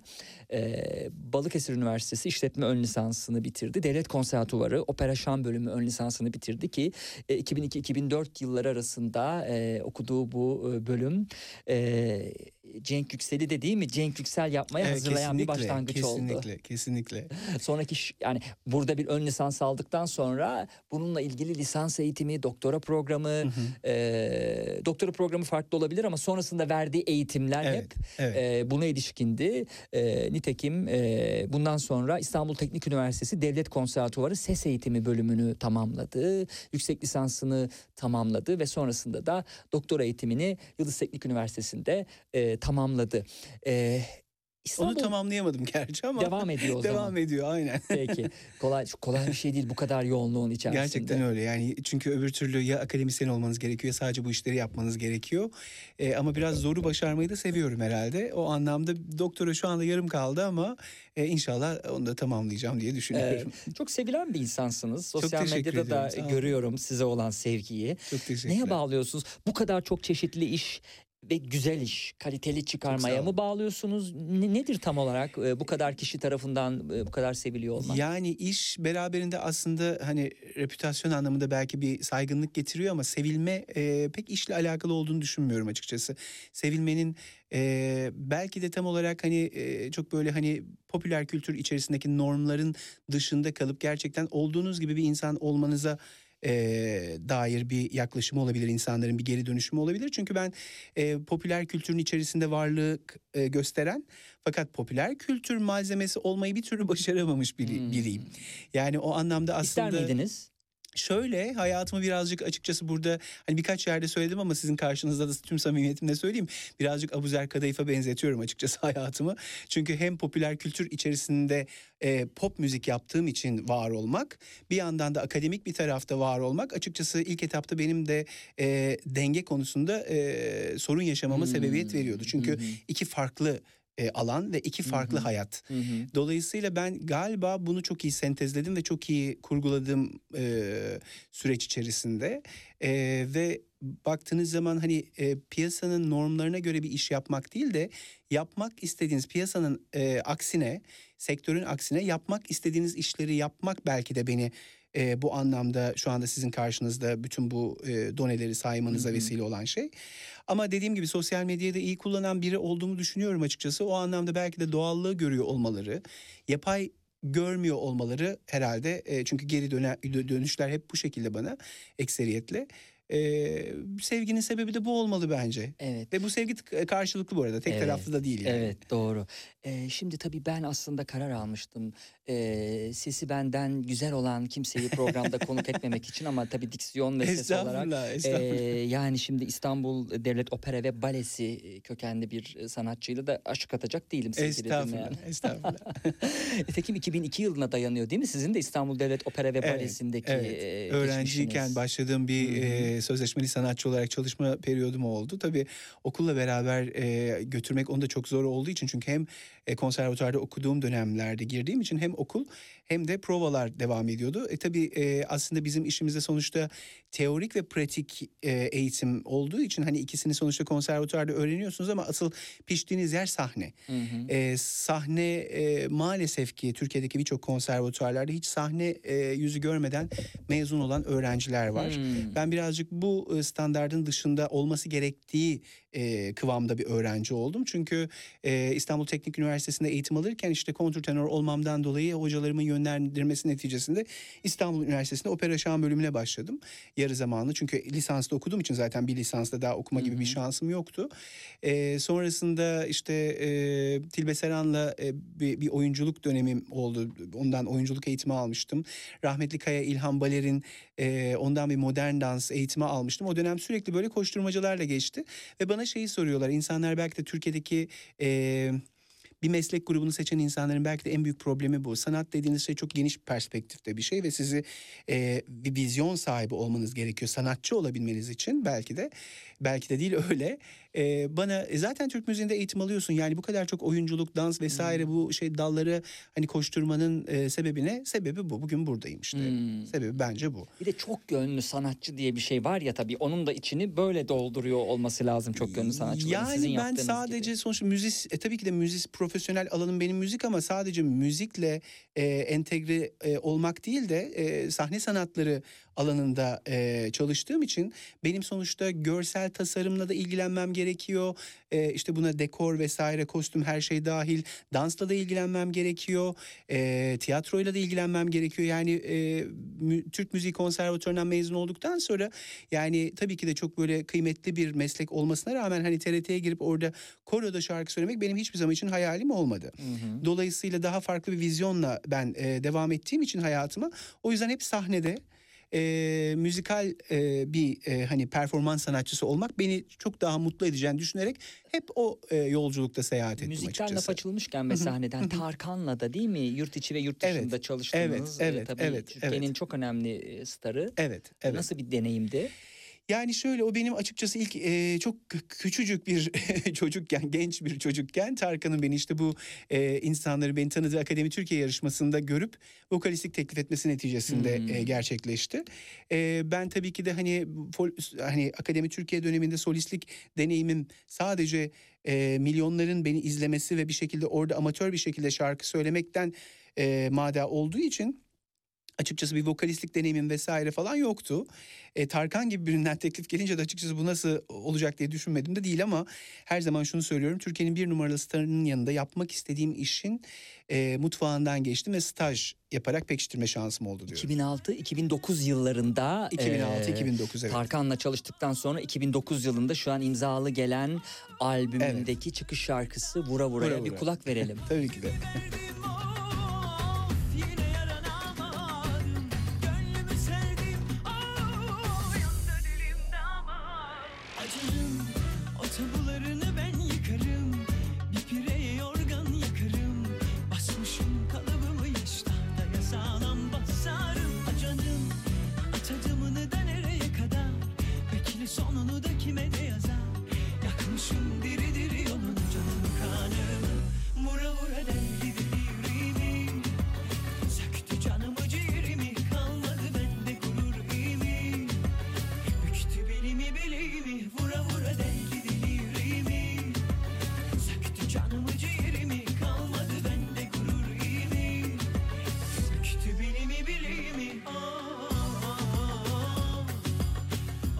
Şarkının üstüne konuşacağım sevgili dinleyenler. Şimdi 13 şarkıdan oluşan bir müzik albümü. Öyle Evet. single falan değil yani Değil, böyle yok, oturmuş hazırlanılmış falan çok güzel dört dörtlük. Ee, şu anda zaten e, çıktığı dönemlerde e, kulak aşinalı olduğumuz e, sevdiğimiz o Vura Vura şarkısını da yine e, dinleme imkanı bulduk. Oradan değil mi şarkılardan e, dizi oyunculuğundan ki başrolde o ilk aşkım mıydı? E, evet televizyon filmi ilk aşkım. Yani evet. şimdi yok. Cenk Yüksel'in yapmadığı bir şey yok. Her şeyinde tadına bakmış. evet hakikaten öyle yani öyle oldu. Kelimenin tam Hoşuna anlamıyla. giden her şeyi de yapmış yani ne güzel dolu dolu. Sonra da o kutsal dönüşümünü tabii bize kim anlatacak? Cenk Yüksel anlatacak tabii şüphesiz. Ee, şarkı devam etsin bir taraftan ta ki şa- kitaba gelene kadar biraz sonra destek yayınlarından çıkan e, kutsal dönüşümdeki o nefes ses hareket e, ilgili de e, konuşuyor olacağız. Londra'da ses ve performans workshoplarına katılmış bu esnada e, İstanbul içerisinde özel müzik eğitimi veren kurslarda şan eğitimleri almış. Bir Avuç Deniz adlı sinema filminin müziklerinde solist olarak soundtrackinde çalışmış. birçok şey. İkinci albüm çalışmaları 2012'de devam ederken Yeşilçam Şarkıları isimli projeyi hayata Evet. geçirdiğinizi de görüyoruz bir taraftan. Ee, peki şu an akademisyenlik nasıl? Bu şimdiye kadar edinmiş olduğunuz bilgileri Yeditepe Üniversitesi miydi? Yeditepe Üniversitesi'nde Hı hı. Güzel Sanatlar Fakültesi'nde ben e, sahne sanatları alanında eğitim veriyorum. E, yani o hep şan eğitmenliği ve sahneyle alakalı eğitmenlik özel kurumlarda, özel konservatuarlarda çalışmıştım ama tabii bir üniversitenin bünyesinde ilk defa Yeditepe ile e, çalışmaya başladım. E, onların da açıkçası e, ilk etapta hani benim bu yaptığım işlerden haberleri vardı bölüm başkanımızın sevgili Markus Graf'ın ve e, hep şunu istiyorlar ve bence Yeditepe'nin başarısı da buradan geliyor. Sadece e, akademik anlamda çalışması olan e, öğretim görevlileriyle değil de aynı zamanda saha tecrübesi olanlarla da çalışmak istiyorlar. Çünkü e, bir şekilde e, e, yani öğrencileri biz sahaya da hazırladığımız için bir şekilde sahadan bir haber olan bir öğretim görevlisinin bu anlamda bir şekilde bir eksik bir tarafı mutlaka kalacak. Hı hı. E, böyle bir mantıkla e, bir e, şeyleri var, eğitim süreçleri var açıkçası. Öğretim elemanı alma süreçleri var. E, benim için de bu e, biçilmiş kaftan oldu. Çünkü eğitmenlik hayatımı hiçbir zaman için zaten sonlandırmadım. Yani ben kendim bildim bileli konservatuvardan mezun olduğum andan itibaren bireysel ya da kurumsal anlamda zaten eğitimler veriyorum. Şan eğitimleri ya da sahneyle alakalı eğitimler.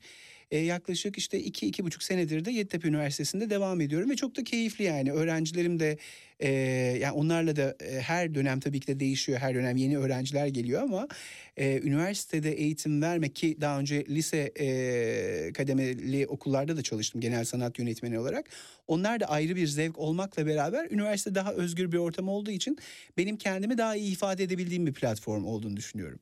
Evet. Siz yine bir şey yakaladınız orada. ya bir taraftan dinleyicilerden gelen yorumlara da bakıyorum. Öyle mi? Ee, neler var neler yok diye. Evet. Bu arada ne olursunuz sizinle ilgilenmiyormuş gibi hayır düşünmeyin. hayır hayır orada bir Gözüm şey, telefonda bir şey diye. yakaladığınız için Tabii yüzden. radyo işitsel ya. Ee, Aynen. Konu bazen sevgili dinleyenler şey yapıyorum böyle gözün içine bakmama şey nezaketsizliğinde estağfurullah bulunuyorum. estağfurullah siz gayet e, çok naziksiniz yani. ben şey o sırada hep yeni bir soruya böyle odaklanıyorsunuz ya onu yakaladınız zannettim. Şimdi şöyle bir şey var. Tanrı kusurlu gördüğü parçaları tamir olması için dünyaya gönderir. tamir olanlar ona geri döner. Olmayanlarsa tamir olana dek yeniden dünyaya dönerler. Evet. Kitabın arka Evet. kapağındaki Evet. tırnak içindeki cümle bu cümle kime ait önce Bana, onu sormuş bana ait, olayım. tabii. Hmm. Çok iddialı biraz bunu açalım ki bu bizi kutsal dönüşüme götürecek. Yani şöyle aslında hani kadim dinlerde, e, semavi dinlerde de hep e, Tanrı'nın bir parçası olduğumuzdan bahsedilir ya sizi kendi suretinde yarattı e, şeklinde söylemler vardır ve bunları senelerdir duyarız. E, Ezoterik bilgilerde de vardır. E, dolayısıyla Tanrı'nın bir parçasıysak ve sonuçta aslında Tanrı'nın bir parçası olup suretiyle e, bu dünyada e, zuhur ettiysek e, bir şekilde e, kusurlu bir parça olarak geldiğimiz aşikar. Çünkü hani dinler yardımıyla ya da işte elçiler yardımıyla da aslında o kusursuzluğu arıyoruz belki de. Hı hı. Mükemmelleşmeye çalışıyoruz. Belki de tanrılaşmaya çalış, tanrısallığı arıyoruz belki de. Ee, kusursuzluğu deneyimlemeye çalışıyoruz belki de. O sebeple e, eğer Tanrı'nın e, bir parçasıysak Tanrı kusurlu olduğu, olduğunu düşündüğü parçalarını dünyaya bir nevi e, kendi frekansına çekmek için gönderiyor olmalı diye düşünerek e, ortaya attığım bir düşünce bu aslında. Ve dünya bu anlamda bir tekamül alanıysa şayet ve biz bir tekamül için buraya geliyorsak dolayısıyla bir kusursuzlaşma süreci için geliyorsak burası da en iyi tımar e, edilen yerdir diye düşünüyorum. Hmm. Ve dolayısıyla tekamülünüz açıkçası sizin o tanrısallığa, o kutsal dönüşüme ulaşmakla alakalı e, yetersiz kalıyorsa siz defalarca aynı tekamül sürecinden geçerek dünyaya defalarca geliyor olabilirsiniz. Bu bir hipotez ama baktığınız zaman işte kadim dinlere e, ve- Bazı dinlerin desteklediği bir hipotez ama desteklediği bir hipotez. Hı hı. Ee, işte kadim dinlere bakarsanız eğer böyle bir söylem olduğuna göre demek ki e, böyle bir gerçek var. Defalarca e, burada varlığımız tezahür ediyorsa şayet yani reenkarnasyon vardır yoktur o bir tartışma konusudur Hı ama hı, ben direkt olarak hani bu ilahi bilgilerden yola çıkarak bunu zikrediyorum. Eğer böyle bir durum varsa o yüzden e, biz defalarca gelerek belki de kusursuzlaşma e, deneyimini yaşamaya geliyoruz dünyaya. Evet. E, devam ettiği zaman da e, kutsal dönüşüm denilen değil mi şeyin bir de e, üç tane de unsuru var. Evet. E, nefes, ses ve hareket. Bunları Evet. belki tek tek ele almak e, da fayda var. Hı hı. E, nitekim deniyor ki e, bugüne kadar önemini fark etmediğimiz insanoğluna bahşedilmiş gizli hazineler bunlar. Evet. Elinizde var olan gücün farkına varabilirseniz yüksek benlikle uyumlu hale gelip titreşiminizi yükseltebilir ve kutsal dönüşümü de yaşayabilirsiniz. Evet, evet. Yani bunu şöyle anlatabilirim. Nefes e, ben özellikle eğitimlere senelerdir işte kurumsal eğitimlere e, devlet kademesinde de kurumsal eğitimlere e, talep edenlere ne, e, nefesle stres yönetimi, öfke kontrolü, nefes eğitimi işte vesaire gibi e, talebe göre oluşabilecek nefesi daha doğrusu doğru anlatabileceğim e, talebe göre oluşabilecek eğitimler veriyorum. Fakat insanlara ekseriyetle ilk etapta sorduğum şey çok basittir. Siz de hani almış, e, ya- yaşamışsınızdır bu süreci hani spikerlikte yaptığınız için. Diyafram nefesi diye bildiğimiz bir şey vardır. E, diyafram nefesini ben ilk etapta soruyorum açıkçası. Diyafram nefesi kullanıyor musunuz diyorum. E, salonda 100 kişi varsa 100 kişinin hepsi birden hayır kullanmıyoruz, hiç Hmm. kullanmadık, nasıl kullanacağımızı Hmm. bilmiyoruz şeklinde yorumlar Hı da bulunuyorlar. Fakat şöyle bir gerçek var. Diyafram nefesi doğduğumuz andan itibaren aldığımız bir nefes bizim. Dolayısıyla daha sonradan aile, sosyal çevre gibi faktörlerle bu nefes değişebiliyor. Değişebiliyor değil, değişiyor. Hı hı. Ee, daha sonrasında işte eksik aldığımız, e, ciğerleri tam performans kullanmadığımız göğüs nefesi dediğimiz nefese dönüyor. Hı hı. Ee, diyafram nefesini en iyi e, uyguladığınız alan açıkçası yattığınız e, an. Alan değil an, yattığınız an. Yatar pozisyonda diyafram nefesi haricinde bir nefes alabilmeniz e, imkansızdır. Ve dolayısıyla diyafram nefesi olup olduğunu anlamamak için de yatar pozisyonda elinizi karnınızın üzerine koyduğunuz zaman karnınızın şiştiğini ve indiğini görürsünüz. Aslında diyafram destekli nefes dediğimiz şey budur. Diyafram nefesi dediğimizde insanlar şey gibi algılıyorlar bunu. Diyaframdan nefes almak gibi algılıyorlar ama diyafram bir solunum organı değil. Diyafram karın boşluğu ile göğüs boşluğu arasında bulunan kas kiriş karışımı bir yapı. Kas yoğunluğu fazla. Nefes aldığınız kubbe biçimde bulunuyor vücutta. Nefes aldığınızda aşağı eğimli hareketi var düzleşiyor. Nefesinizi verdiğinizde tekrardan kubbe formuna ulaşıyor. Ve aslında nefes aldığınızda aşağı eğimli hareketi sizin ciğerlerinizin Hmm. daha fazla e, oksijen doldurmasına sebebiyet veriyor ve diyafram destekli nefes dediğimiz şey de bu.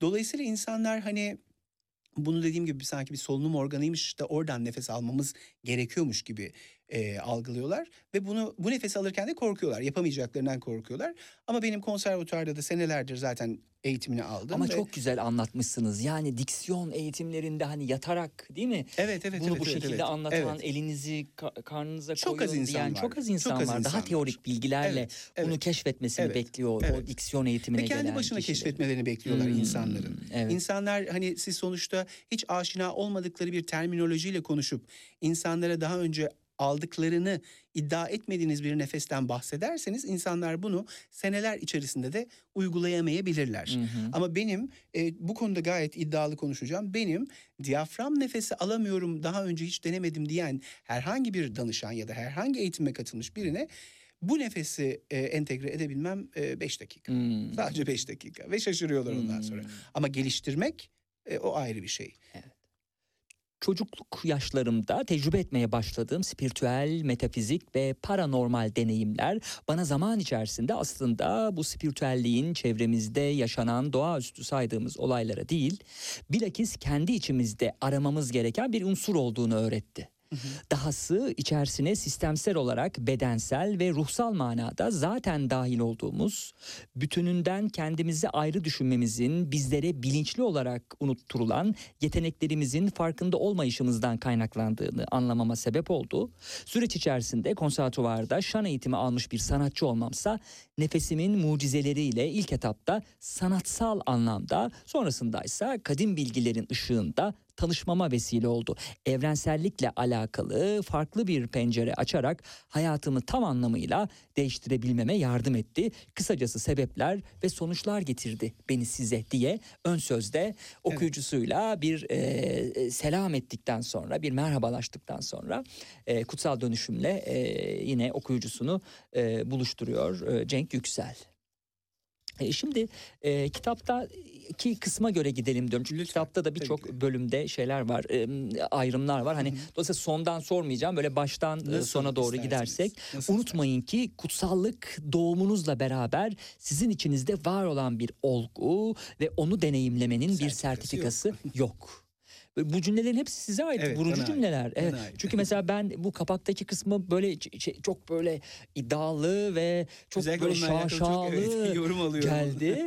E, bir yerde de bulamadım. Yani sizin dışınızda bir yerde de bulamadım. Hani çünkü ben bir alıntı gibi düşündüm ama Yok, değil. değil. Evet çok Yani güzel. alıntı hiç yok içinde. Ee, sadece bir cümleyi işte çok kıymetli e, nefes terapisti Mustafa Kartal diye bir beyefendi var. Daha realde tanışmadık kendisiyle ama çok enteresan. Ben bu DMT'yi keşfettiğim zaman Türkiye'de ve dünyada nefesin e, DMT'nin nefesle aktive olduğunu daha önce e, deneyimlemiş ya da bunu yazmış biri var mı diye Hmm. ilk önce derin bir araştırmaya girdim. Hmm. E, nefesin, sesin ve hareketin DMT'yi aktive ettiği ve kutsal dönüşme vesile olduğunu bugüne kadar yazan hiç yok. Hmm. Fakat nefesle alakalı bu tarz e, zihin açıcı, açıcı çalışmalar yapan e, birine rastladım. O da Mustafa Kar- Kartal. Dinliyorsa e, sevgilerimi, selamlarımı yollayayım. Tanımıyor olmama rağmen kendisine. E, ve çok enteresandır. Mustafa Bey'i araştırdığımda da mesleğinin sizce ne olduğuyla karşılaşmış olabilirim. Hmm. Şancı. Sizin aa o Şancı. da sizin gibi. Yani şancıların bu konuya kanalize Hmm. olup bir şekilde bunu bizim keşfetmemiz çünkü işte e, ses diyoruz, Hı hı. nefes diyoruz. Nefes ve sesi en iyi kullanan bizler olduğumuza göre bunu bizim keşfetmiş olmamız da çok tesadüf Hmm. olması gerek diye düşünüyorum ama açıkçası bunu öğrendiğimde e, bu beyefendinin de şancı olduğunu öğrendiğimde çok şaşırdım. Hmm. Çünkü demek ki ama gerçekten şaşıracak bir şey. çok yani şaşıracak tesadüfi bir şey. değil Tesa- diyoruz ama evet, evet, evet. yani şaşırılacak Ya bir şey bu. bir çünkü şey. nefes ve ses çünkü bir kutsal dönüş değil mi? Bir şancının kutsal dönüşüme nefes ve sesi evet. e, aracı Vesile kılarak vesile olarak Vesile ulaşması. Onda da hareket var mıydı? Hareket yok. Onda Yoktu. şey de yok, ses de yok. Hmm, O sadece nefes. Hı hı. Sadece nefes ama şey enteresan. Hani nefesle ilgilenen ve bu anlamda hani e, benzer çalışmalar yapan birinin e, şancı olması bana çok enteresan geldi. Hı hı. Yani demek ki e, doğru anlamda biz doğru rezonans kanallarını kullandığımız için demek ki doğru şeyleri e, eş zamanlı olarak yaşayabiliyoruz. Ha spiritüel tarafı olmayan bir insan olsa yaşadığı deneyimleri bu anlamda belki bir kutsal dönüşüm ya da spiritüel bir deneyim olarak algılamayabilir. Böyle çok insanda vardır. Mesela operada işte söyleyen senelerdir ya da şan eğitimi almış bu tarz deneyimler yaşayan ama bunu adlandıramayan ve böyle bir e, şeyi olmadığı için bilgisi olmadığı için bunları e, nitelendiremeyen bir dolu da insan vardır herhalde. Evet. Ee, bir yandan mesajlara bakalım. Ee, Eylül ayının ilk programı hayırlı olsun ve size de sevgilerini Çok ileten Meliha Akay. O Çok da e, programımıza konuk olan yazarlardan biriydi. Bu arada ben bazı kısımları hızlı geçeceğim. Lütfen beni Tabii durdurun. ki. Ee, sözümü de kesin. Ee, ve söyleyeceğiniz bir şeyler varsa da ekleyebilirsiniz. Fiziksel aşama, zihinsel aşama ve ruhsal aşamayla başlıyor ee, bu nefes nedir kısmına ilişkin e, Cenk Yüksel kitabında bir nefes hikayesi anlatıyorsunuz ama semavi semavi dinlerde de olan bu Evet. sur e, Sür borusunun borusunun üflenmesi. üflenmesi. Evet, evet. O hikayeyi de böyle bir kısacık e, şey yapabilirsek Yani alabilirsek sizden güzel olur. Şöyle ilk o etapta da ona bağlanıyor Tabii çünkü tabii. sur da Yani çünkü nefese yaşam bağlanıyor. aslında evet. nefesle başlıyor baktığınız zaman. İlk etapta bir cümle okudunuz. Ee, bu kutsal dönüşüm sizin doğumunuzdan itibaren size bahşedilen bir armağan ve bunu e, bir serti- sertifikası yok öğrenmenin diye. Oradan başlamak istiyorum açıkçası. Lütfen. Ee, yaşam A noktası, ölüm B noktası olarak nitelendirirsek aslında A noktası ile B noktası arasında e, biz e, dünyayı denem- deneyimlemek adına bir e, dünya kıyafeti giymiş durumdayız ve bunun adına da beden diyoruz. Ve dolayısıyla beden e, nin aktive olabilmesi, hareket edebilmesi için de nefes bir yakıt aslında. Yani bunu e, bir arabaya benzin koymak olarak nitelendirebilirsiniz. Bir arabaya hı. benzin koymadığınız zaman araba gitmez ve dolayısıyla e, yemek yemeden e, üç gün belki yaşayabilirsiniz ya da üç hafta yaşayabilirsiniz. Su içmeden üç gün yaşayabilirsiniz ama ben mesela eğitimlerde şunu söylüyorum açıkçası. Nefes almadan ne kadar e, süre yaşayabileceğinizi hiç tahayyül ettiniz mi diyorum insanlara. Kimse düşünmemiş bunu çünkü nefes çok böyle doğduğumuz andan itibaren otomatik olarak yaptığımız bir şey olduğu için ve bunu e, nitele acıkma gibi susama gibi dile getirmeye ihtiyaç kimseye duymadığımız için bunun önemi de kimse tarafından sorgulanmamış açıkçası. Hı hı. Ve e, bu çalışmalara başlarken ilk etapta bir nefeslerini tutturuyorum. Bakalım ne kadar süre tutabileceksiniz Hmm. diye. Tabii ki de hı, e, böyle bir deneyimi olmayan e, insanların bir dakikadan e, daha kısa sürede yeni bir nefes ihtiyacı olduğu ortaya çıkıyor Hı ve nefesin aslında bu anlamda ne kadar önemli olduğunu idrak ediyorlar. Hı hı. Şimdi aslında dediğim gibi hani kadim bilgiler bize e, varoluşumuzla ilgili aslında verilmişler. Çünkü e, hatta şöyle anlatayım size kitabın ilerleyen noktalarında işte Davut Yıldızı'nın da e, Davut Yıldızı'nın olduğu e, sayfayı da görmüşsünüzdür. Davut Yıldızı aslında İsrail bayrağı olarak e, addedilir. İsrail daha doğrusu bayrak sembolü olarak kendine adletmiştir bunu ama Davut yıldızı iki üçgenin iç içe geçmesi aslında kadim bilgi gökyüzü bilgisiyle yeryüzü bilgisini temsil eder. Hmm. Ve dolayısıyla baktığınız zaman işte Kabala dediğimiz ya da İsrail'in o e, simyaya sahip hı. olması, kadim bilgilere sahip olması en şu anda dünya üzerindeki en eski dinlerden biri olması ve dolayısıyla bu kadim bilgileri bizden çok çok öncesinde biliyor Kullanmış olmalarıyla ve olmaları. kullanmış hı. olmalarıyla e, alakalı. Ve dolayısıyla e, üçgenin ayrılarak aslında iki farklı üçgen haline gelmiş olması ve bugün belli örgütlere işte Illuminati gibi ya da Masonik e, bir takım oluşumlar gibi e, örgütlere e, ya da işte derneklere ya da oluşumlara mal edilmesi aslında kadim bilgiyi sembolize eder. Hı hı. Yani üçgen içerisindeki göz dediğiniz şey aslında bir Illuminati sembolü değildir. Aslında e, epifiz bezinin aktive olduğu ve kadim bilgiye epifizle ulaşıldığını sembolize eden bir e, sembolizm görselidir. Hmm.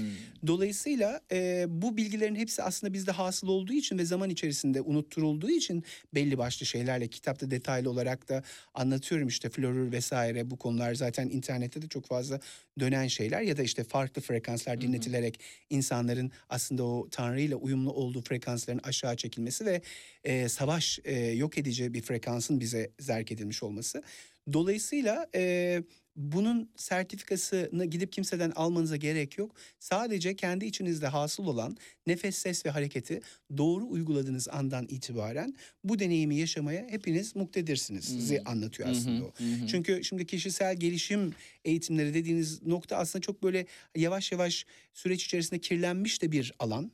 Çünkü baktığınız zaman e, ben e, Belki açıkçası yeterli araştırma yapmayan kişilerin de o alanda o alanda yazmalarından yaz- dolayı kirlenmiş olabilir. ve ben e, bu noktada açıkçası işte herhangi benim bir merkezim yok. Herhangi bir şekilde bu konuyla alakalı insanlara bir e, hayal satmışlığım yok ya da e, kitabı zaten okuduğunuz için göreceksiniz insanlara şunu yapın bunu yapın şeklinde diktelerim de yok. Hı hı. Çünkü nefes e, aslında bir el bombası bir yandan da. Hı hı. Çok kıymetli bir şey ama yanlış kullanıldığı zaman da bir el bombası etkisi Nasıl? yaratabiliyor. Nasıl? Çünkü şöyle bir durumu var. E, herkesin ihtiyacı farklı farklı. Yani siz e, işte başınız ağrır başka bir ilaç alırsınız. Kolunuz ağrır başka bir ilaç alırsınız.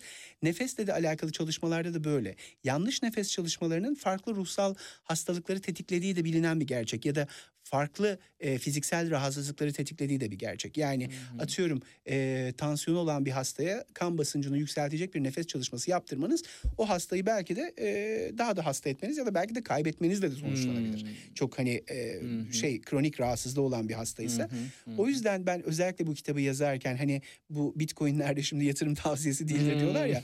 Ben de asla bir dönüşüm tavsiyesi değildir. Evet. Uygulayabilirsiniz fakat asla şunu yapın bunu yapın şeklinde bir e, dikteyle girmedim. Evet, ben pek ya ben değil kimse sevmiyordur da cehalet e, tabii çok e, zararlı bir şey. Yani mesela orada tek e, göz görüyorlar hani okumuyor etmiyor. Aa illuminatici Evet, midir evet, bu evet. falan diyor. Ama mesela bu kitaptaki tespitlerinize ya da başka diğer hani kitaplarda da e, araştırma yaptığı zaman belki hani bunun da sizin yazdığınız gibi olduğunu görecek. Nitekim e, gerçekten de hani mitolojik figürlerde de e, ses ve müziğin yerini e, araştırdığında Yunan mitolojisi, Hint mitolojisi, Japon, Hemen Tenike hemen gibi hepsinde, hepsinde, hepsinde. İskandinav Bütün- nasıl evet. karşılaştığımızı kitapta anlatmış. Buyur. bütün mitolojik tanrıların zaten e, hareketle ve sesle alakalı bir şeyleri var. Sembolizm durumları var. E, yani insanlar araştırabilirler de bunu. Ya elinde arp var, ya panflüt Hmm. var, ya dans ediyor, ya dansın tanrısı, ya müziğin tanrısı, ya eğlencenin tanrısı. Dolayısıyla aslında tanrısallık bu kadar e, ses ve nefesle birleştiği zaman aslında belki de ilk insanların e, dikkat etmesi gereken şey bu. Tanrılar neden acaba müzik yapıyor? Tanrılar neden sesini kullanıyor? Tanrılar neden bir enstrümandan e, faydalanıyorlar doğru frekans üretebilmek ya da tanrı olabilmekleriyle alakalı? E, o anlamda da açıkçası e, bu belki de başlı başına bir kitap yazılması gereken bir konu bile olabilir. Evet. Şimdi e, gelin nefesin faydalarına bir bakalım. Siz hani özel bilgi vermek istediğiniz zaman lütfen araya girin. Yo, yo, siz- Holistik sağlık mesela e, değil mi? Kısıtlı ve eksik nefes alma şekilleri bilinçaltımızda yer alan problemleri ve kötü hisleri ummadığımız bir dönem karşımıza çıkarmak üzere bastırır diyor ama nefesle bunun olmamasını Doğru sağlıyoruz. teknikle evet, doğru teknikle. bereketli bir yaşam bize sağlıyor. Yine sosyal hayatta uyum, mükemmel bir uyum bize getiriyor. kudret sahibi olmayı, stresi azaltmayı ve enerji takviyesini sağlıyormuş ki e, burada yani bir özet olarak da e, verilmiş işte berrak bir zihin oluşturma, toksinlerden arınma gibi birçok e, şeyi var, özelliği var. Ha bu arada gelen sorulardan bir tanesini sorsam mı Tabii, dedim tabii, ama tabii. e, şey yapayım sorayım hemen. Niçin e, Hristiyanlıktaki bir dakika soruya bakayım tam. E, konuğunuz niçin e, Hristiyanlıkta kullanılan spiritüeli kullanıyor da mistisizm demiyor demiş.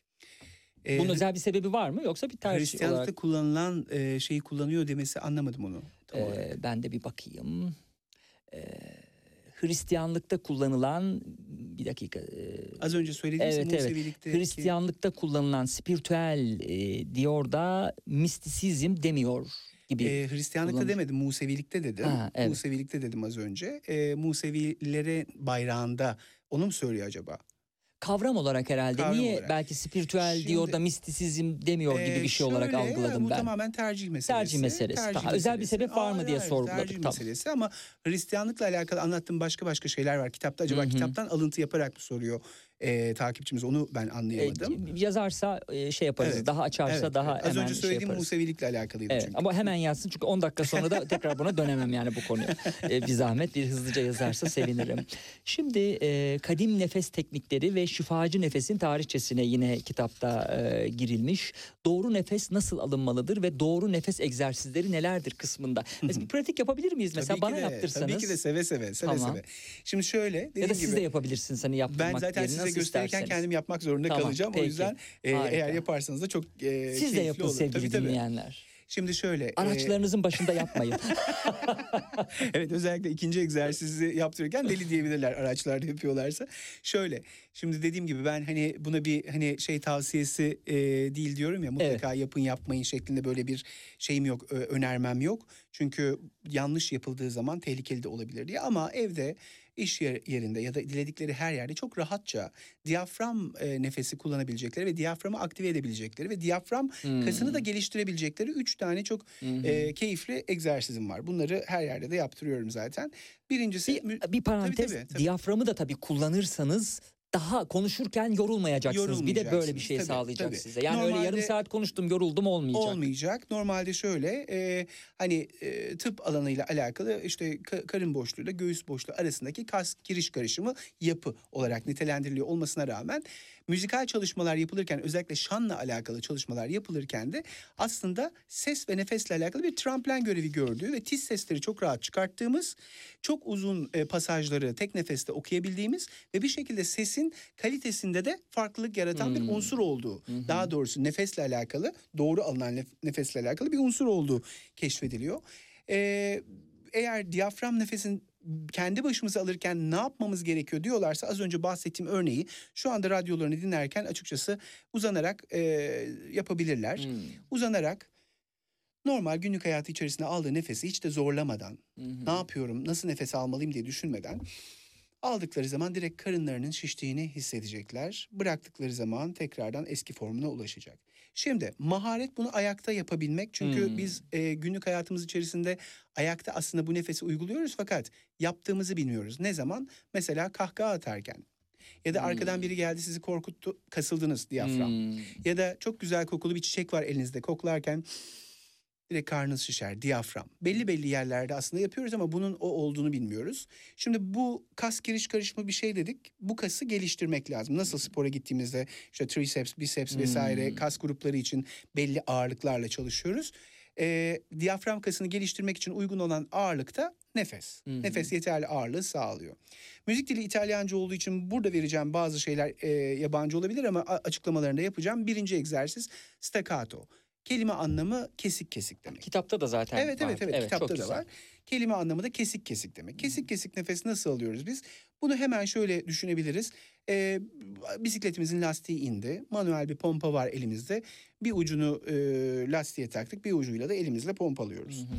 Ee, dişlerimizi hava gönderdiğimiz pompa Diyaframı da lastik olarak düşündüğümüz zaman dişlerimizin arasından hatta kalkabilirsiniz istiyorsanız ayakta da yapabilirsiniz ya da Olur, otururken de yapar yaparsanız Ses o da olur. açısından, Açısından sorun olabilir. olacak. Otururken ellerinizi iki yanınıza koyun. Ee, Evet. e, böğür mü denir ne denir? Evet, böyle? değil mi Anadolu'da böğür denir. Böğür denir. Elimiz böğrümüzde, Böğrümüzde. şu. Ve şu şekilde dişlerinizin arasından havayı e, kompres edin. S, s, s, s. İttirin. Evet. Yapın.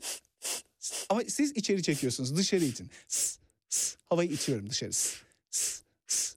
Hareket ettiğini hissediyor musunuz Evet, diyaframın? evet, Bu evet. birinci egzersizimiz. Evet. Bunu mesela... Bunun İtalyanca adı neydi? Staccato. Staccato. Sta- Kesik kesik demek.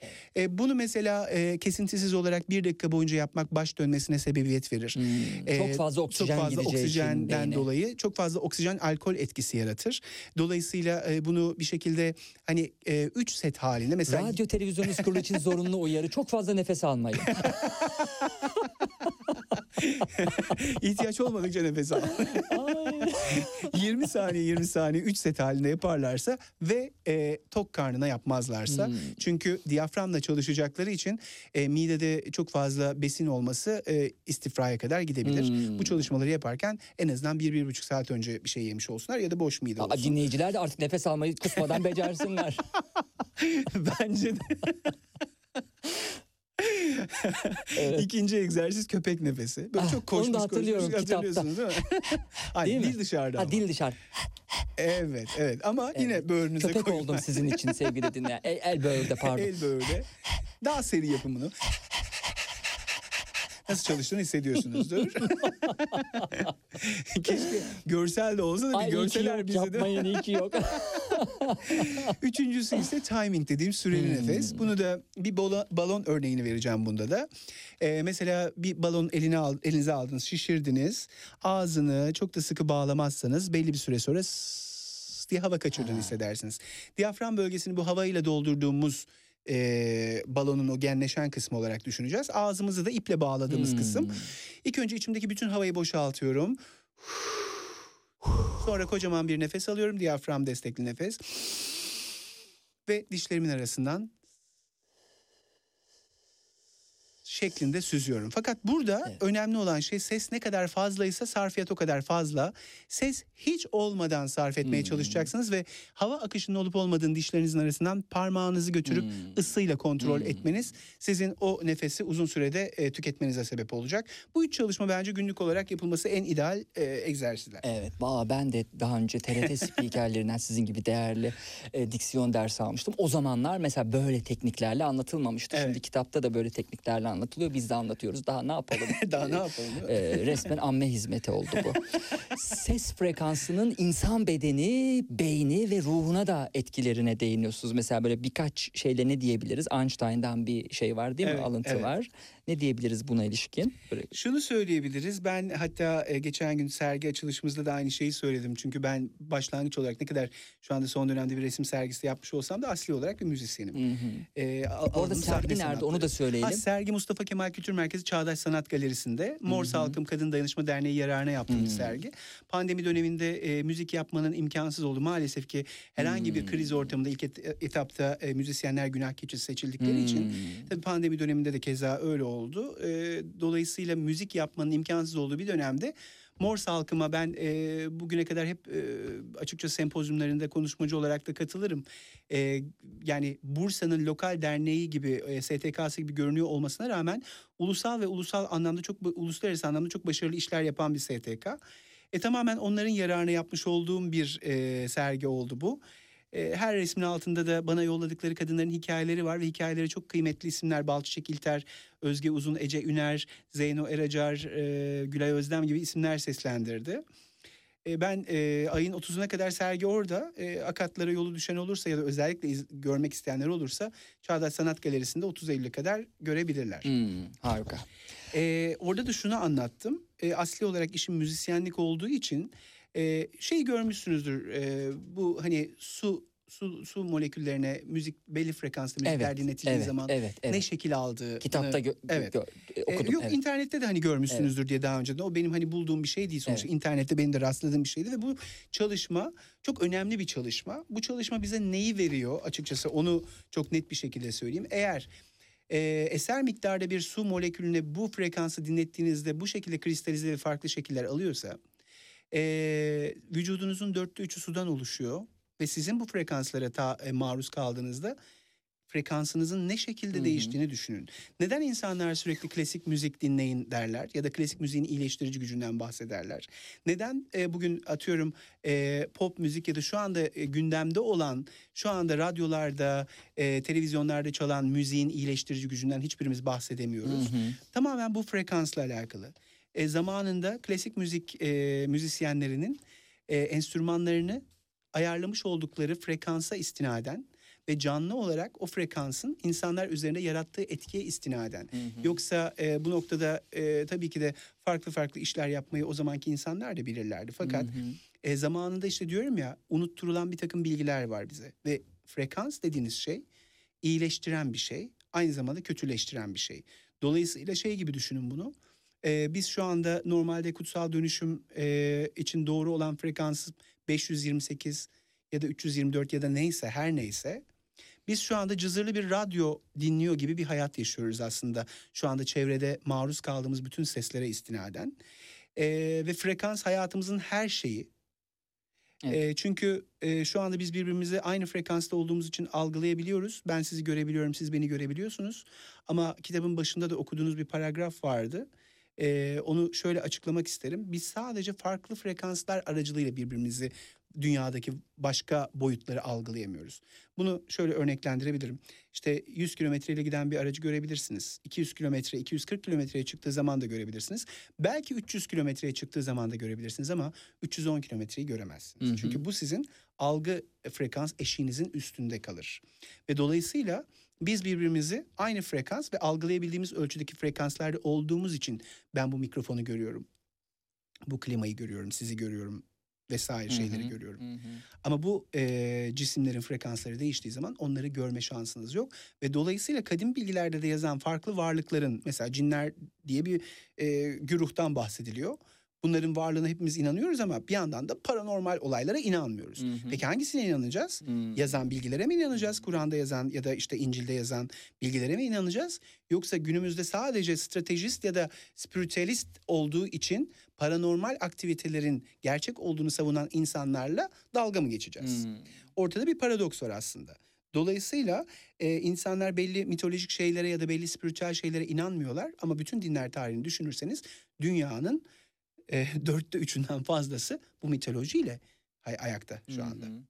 Yani dinlere inanan insanlar sayısını düşünürseniz dünya üzerinde demek ki böyle bir şey var.